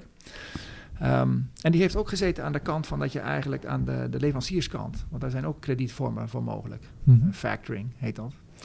Ehm, en hij zei op een gegeven moment, het is raar, er wordt zoveel fraude gepleegd, het is duur. Eh, zijn vader was een kleine zelfstandige, had een vervoersbedrijf. Zag hem ook eh, elk weekend weer eh, nadenken over zijn cashflow. Ja. En eh, Hoe ga ik dit oplossen? hoe gaan we dit weer betalen? En ga ik nou die betalen of ga ik nou die ander betalen? En de oplossing dat PageAverity probeert te bieden is, is de meest rationele, de meest multi-stakeholder model om dit complex probleem op te lossen. Oké. Maar het blijkt niet zo makkelijk te zijn om die wereld in te komen. Dus het is niet, niet het is gewoon een jong bedrijf dat kwetsbaar is. Ja, en wat doe je dan concreet? We hebben een platform gebouwd. Eh, waarin eigenlijk eh, heel de, de, de interactie tussen eh, koper en verkoper, oftewel leverancier en koper, gefaciliteerd wordt. Mhm. En financiers, banken of andere financiers. Er zijn veel financiers. Ehm, en dan proberen wij klanten te krijgen die erop willen gaan. Ons Die willen droom- investeren. Nee, die hoeft niet te investeren. Wij proberen klanten te vinden die, die op dat platform willen, die op die manier met hun leveranciers om willen gaan. Ja, die geloven eigenlijk in jullie filosofie van eh, handel als het ware dan. Ja, zo kan je het zeggen. Dus het aantal redenen waarom je het zou kunnen doen. Eén, omdat je er zelf meer winst aan overhoudt. Dus Ja. gewoon egoïstische, egocentrische reden. Maar je kan ook zeggen in een sustainability wereld... ik wil goed zorgen voor mijn leveranciers. Daar zijn er ook, wordt ook steeds duidelijker dat wij met z'n allen op dit planeetje zitten... en misschien met z'n allen moeten kunnen vinden in deze wereld... eh, Dat we het samen om moeten doen. situaties zoals in Afghanistan te voorkomen. Ja. En, eh, begin je beter te denken van... hé, misschien moeten we dit anders doen. Dus je kan het ook gewoon zeggen... ik wil een goede, goede met, mijn leveranciers. En er zijn plekken op deze wereld. Nederland is very sophisticated. Uh, maar er zijn plekken op deze wereld waar er nog steeds uh, rentes van 20, 25 procent gevraagd worden om uh, jonge bedrijven in Afrika, Zuid-Amerika, Centraal-Amerika. En wij, en wij zijn een technologiebedrijf. Wij doen met technologie. Dus met software en programming. En, uh, maar alleen zitten ook een paar finance guys die een hele carrière op Wall Street hebben gehad. Het is, ook, het is ook gewoon mijn vrienden inmiddels. Hè? Net zoals jullie mijn vrienden zijn, zijn ook mijn vrienden. Maar het is niet alleen op Amerika gericht, maar kan ook eventueel in andere landen. Ja, Oké, wereldwijd. wereldwijd. Ja. En wat zijn dan jullie marges, als ik, als ik dat zo eh grof mag Hoe, stellen? hoe verdienen wij ons geld? Ja. Nou, wij verdienen nog niet zoveel geld. Maar als dit allemaal echt gaat lukken, dan verdien je eigenlijk promillages van de omzet. ja. En dat zijn grote omzetten en daar kan je boterham mee verdienen. Oké, ja. Eh, ook mogelijk aandelen van bedrijven of zo, omdat je er zoveel in hebt. Dat, Wat bedoel je van mij? Wat bedoel je nou? nou ja, dat je, dat je bijvoorbeeld aandelen van, eh, eh, aandelen van bedrijven krijgt in ruil voor een investering. Of Nee. dat Nee. zo werkt. is gewoon dan een niet. percentage van een bedrag. Ja. Ja, oké. Ja. Ja. Ik ben natuurlijk ook, ik ben investeerder ook in dat bedrijf. Ik heb er Ja. eigen geld in gestoken. Ja. Ja. Oké, duidelijk. Ik denk dat we een heel eind rond zijn. Ja, ik, eh, ik vind het eigenlijk wel heel erg boeiend, eerlijk gezegd. We kunnen eigenlijk nog wel een tijdje doorgaan. Eh, Hoe lang zijn we nou eigenlijk bezig? Ik heb echt geen idee. Eh, we zitten nu zo'n beetje op anderhalf uur al, dus dat is Ja. al best snel gegaan. Anderhalf uur. Oké. Nou, dan gaan we het eigenlijk wel Ja, in dit geval denk je ik kunt wel het niet over hebben over dingen waar je niet weet. Hè? Dus, eh, dus ik vraag aan Gert van wat weten we nog niet, wat we nog wel moeten bespreken. Ja, is er nog een belangrijk punt? Ehm, weet ik niet, want eh, als ik nou, maar je moet altijd overzichtelijk eh, informatie aanbieden. Ik heb een eh, vrij extreem leven mogen hebben, Ja. zoals jullie deels hebben. Dus je begint Ja. met de Papua's, Ja. Je maakt oorlog mee. En ik heb het grote voorrecht gehad om naar Harvard Business School te mogen gaan. Ehm, ik ben nu begonnen als traumachirurg in Gorkum. Na wat jaren waarnemen, nou is gestopt te zijn trouwens, voor een carrière switch. Dat doe ik met veel plezier. Ontzettend leuke plek, veel diversiteit. Leuke mensen, aangenaam werken. Ehm, dus dat is wat er nu speelt. Ja, je hebt het genoemd over Page daar steek ik energie in. Een andere wat ik nog doe is, ik ben betrokken met wat jongens in Delft, Slam Ortho. Hm? Die proberen een automatische schroeflengtemeting te maken voor fractuurchirurgie. Oké. Dus eigenlijk, als je dat samenvat, is dat. Ja, het moet- ja, inderdaad. Leg het maar eens Ja. iets verder uit. Dus hoe gaat nou fractuurchirurgie? Heel veel fracturen hoef je niet te opereren. Hè? Maar als je zo moet opereren en je zit in het fase van schroeven, dat is eigenlijk, vroeger was dat, eh, ja, je legt het open, je reponeert het, doet een plaatje op en dan ga je boren, tappen, het schroefdraad maken, Ja. lengtemeting, ik voor het tappen en dan schroef plaatsen. Nu hebben we automatisch tappende schroeven, dus dat stap, stap van die tappen kunnen overslaan. Ja. En als deze jongens, die zijn heel slim, zijn leuke gasten, ehm, succesvol zijn, en dat hoop ik, dan is het eigenlijk boren, dan weet je gelijk wat de lengte is en gaat gelijk de schroef erin. Dus je stapt, dus je stapt gewoon een stap over die heel frequent voorkomt. Oké. En je zit eigenlijk altijd op je lengte. Ja. ja Dat is je misschien nog wel het belangrijkste. geloven, Want dat met zo'n haakje opgekloot. Ja. Eh, Ja, maar voor jullie vak is wel super, super goed. Ja. ja. Vooruitgang. Zo moet je het ook zien. Dus met name weer het optimaliseren van het proces. Ja. ja. En ik denk ook dat je de wereld een klein beetje beter maakt als, als je kan lukken om die gasten succesvol te maken. Ja. Ja, maar daarbij is dan jouw werk wordt ook duidelijk beter, dus eh, nog beter. Dus het zit een, aan, aan beide kanten. Ja. Het is niet alleen voor hun natuurlijk, maar uiteindelijk wordt jouw vak, je kunt jouw vak beter bij- mijn uitoefenen. persoonlijkheid weet ik dat het eerste mij zwaarder treft dan het tweede. Ja. Want ik kan ook opereren op een tent en op, Ja. op een, Ja, eh, op een ja, dus je eh, hebt niet alles nodig. Ja. schip van de marine en we allemaal gedaan. Ja. Ehm, of in Afrika. Met, ik vind het ook een uitdaging om het zoveel mogelijk te maken van de middelen die je hebt. Ja. ja, Dat is, eh, ja, dat is leuk. nou ja, heel leuk voor ons ook om te horen. Ja, super interessant. Je bent eh, ook nog basketbaltrainer ooit geweest. Ja. Heel iets anders. Doe Ja. je dat nog steeds? Nee, dat was al een leuk, een leuk project. Dat was eigenlijk eh, vier jaar. Eigenlijk is dat een, een nature-nurture vraag. Hm. Ook hoe, hoe, hoeveel is de wereld maakbaar? En we hebben allemaal de vraag, heb je natuurlijk met wielrennen, kan niet anders. Hij is wielrenner geboren. Ik weet in de wereld zullen zeggen, ja, je kan niet van een, eh, op zijn Vlaamse, van een, eh, een, eh, wat is het, een koerspaard, nee, een renpaard, weet ik niet, met paard, een werkpaard en een renpaard maken. Ehm dus ook met je zonen, waardoor je heel veel tijd samen doorbrengt. Die Mhm. tijd in de auto naar de wedstrijd en terug is waarschijnlijk belangrijker dan heel die, dat andere. Ja. Ja, wij zijn met een, ik vind een groep storpjongens, zijn we naar de top gegaan. Ja. Ja. Goed luisterend eh, eh, naar jou in de verhalen over jouw trainerschap was dat vooral volgens mij wat jouw eh, eh, drijfveer was. Het tijd doorbrengen met, eh, met je kinderen daarin. Ja, maar ook kijken of het kan. Dat is een thema in mijn leven, kan het wel? Mm-mm. Dat ventje in Afghanistan, kan die wel overleven? Ja. Nieuwsgierigheid en grenzen Ja. verleggen. Kijken of het kan. Het blijkt heel vaak te kunnen. Geld verdienen in het casino. Kan ook. Ja. Ja. Ja. Wij gaan echt met Gert naar de casino. Ja, ik denk het. we nemen Gert mee. Ja, ja, ik ga alleen ga ik niet. Ik verlies alleen maar geld, hè, Nee, dat dan weet moet je. Dan moet je eerst kijken of de, of de regels zijn veranderd.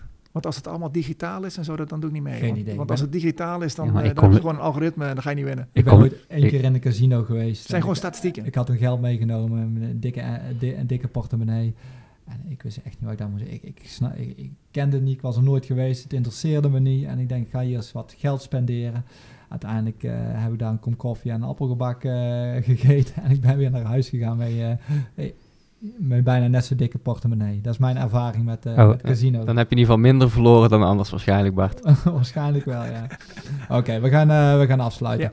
Hey, super bedankt Gert. Het was, was een interessant, interessant levensverhaal ook.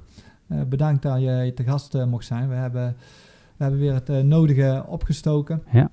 Ehm, en we gaan je zeker en vast nog, eh, nog vaker spreken. Al is het alleen maar al voor de gezelligheid. Ehm, ja, bij deze ga ik afsluiten.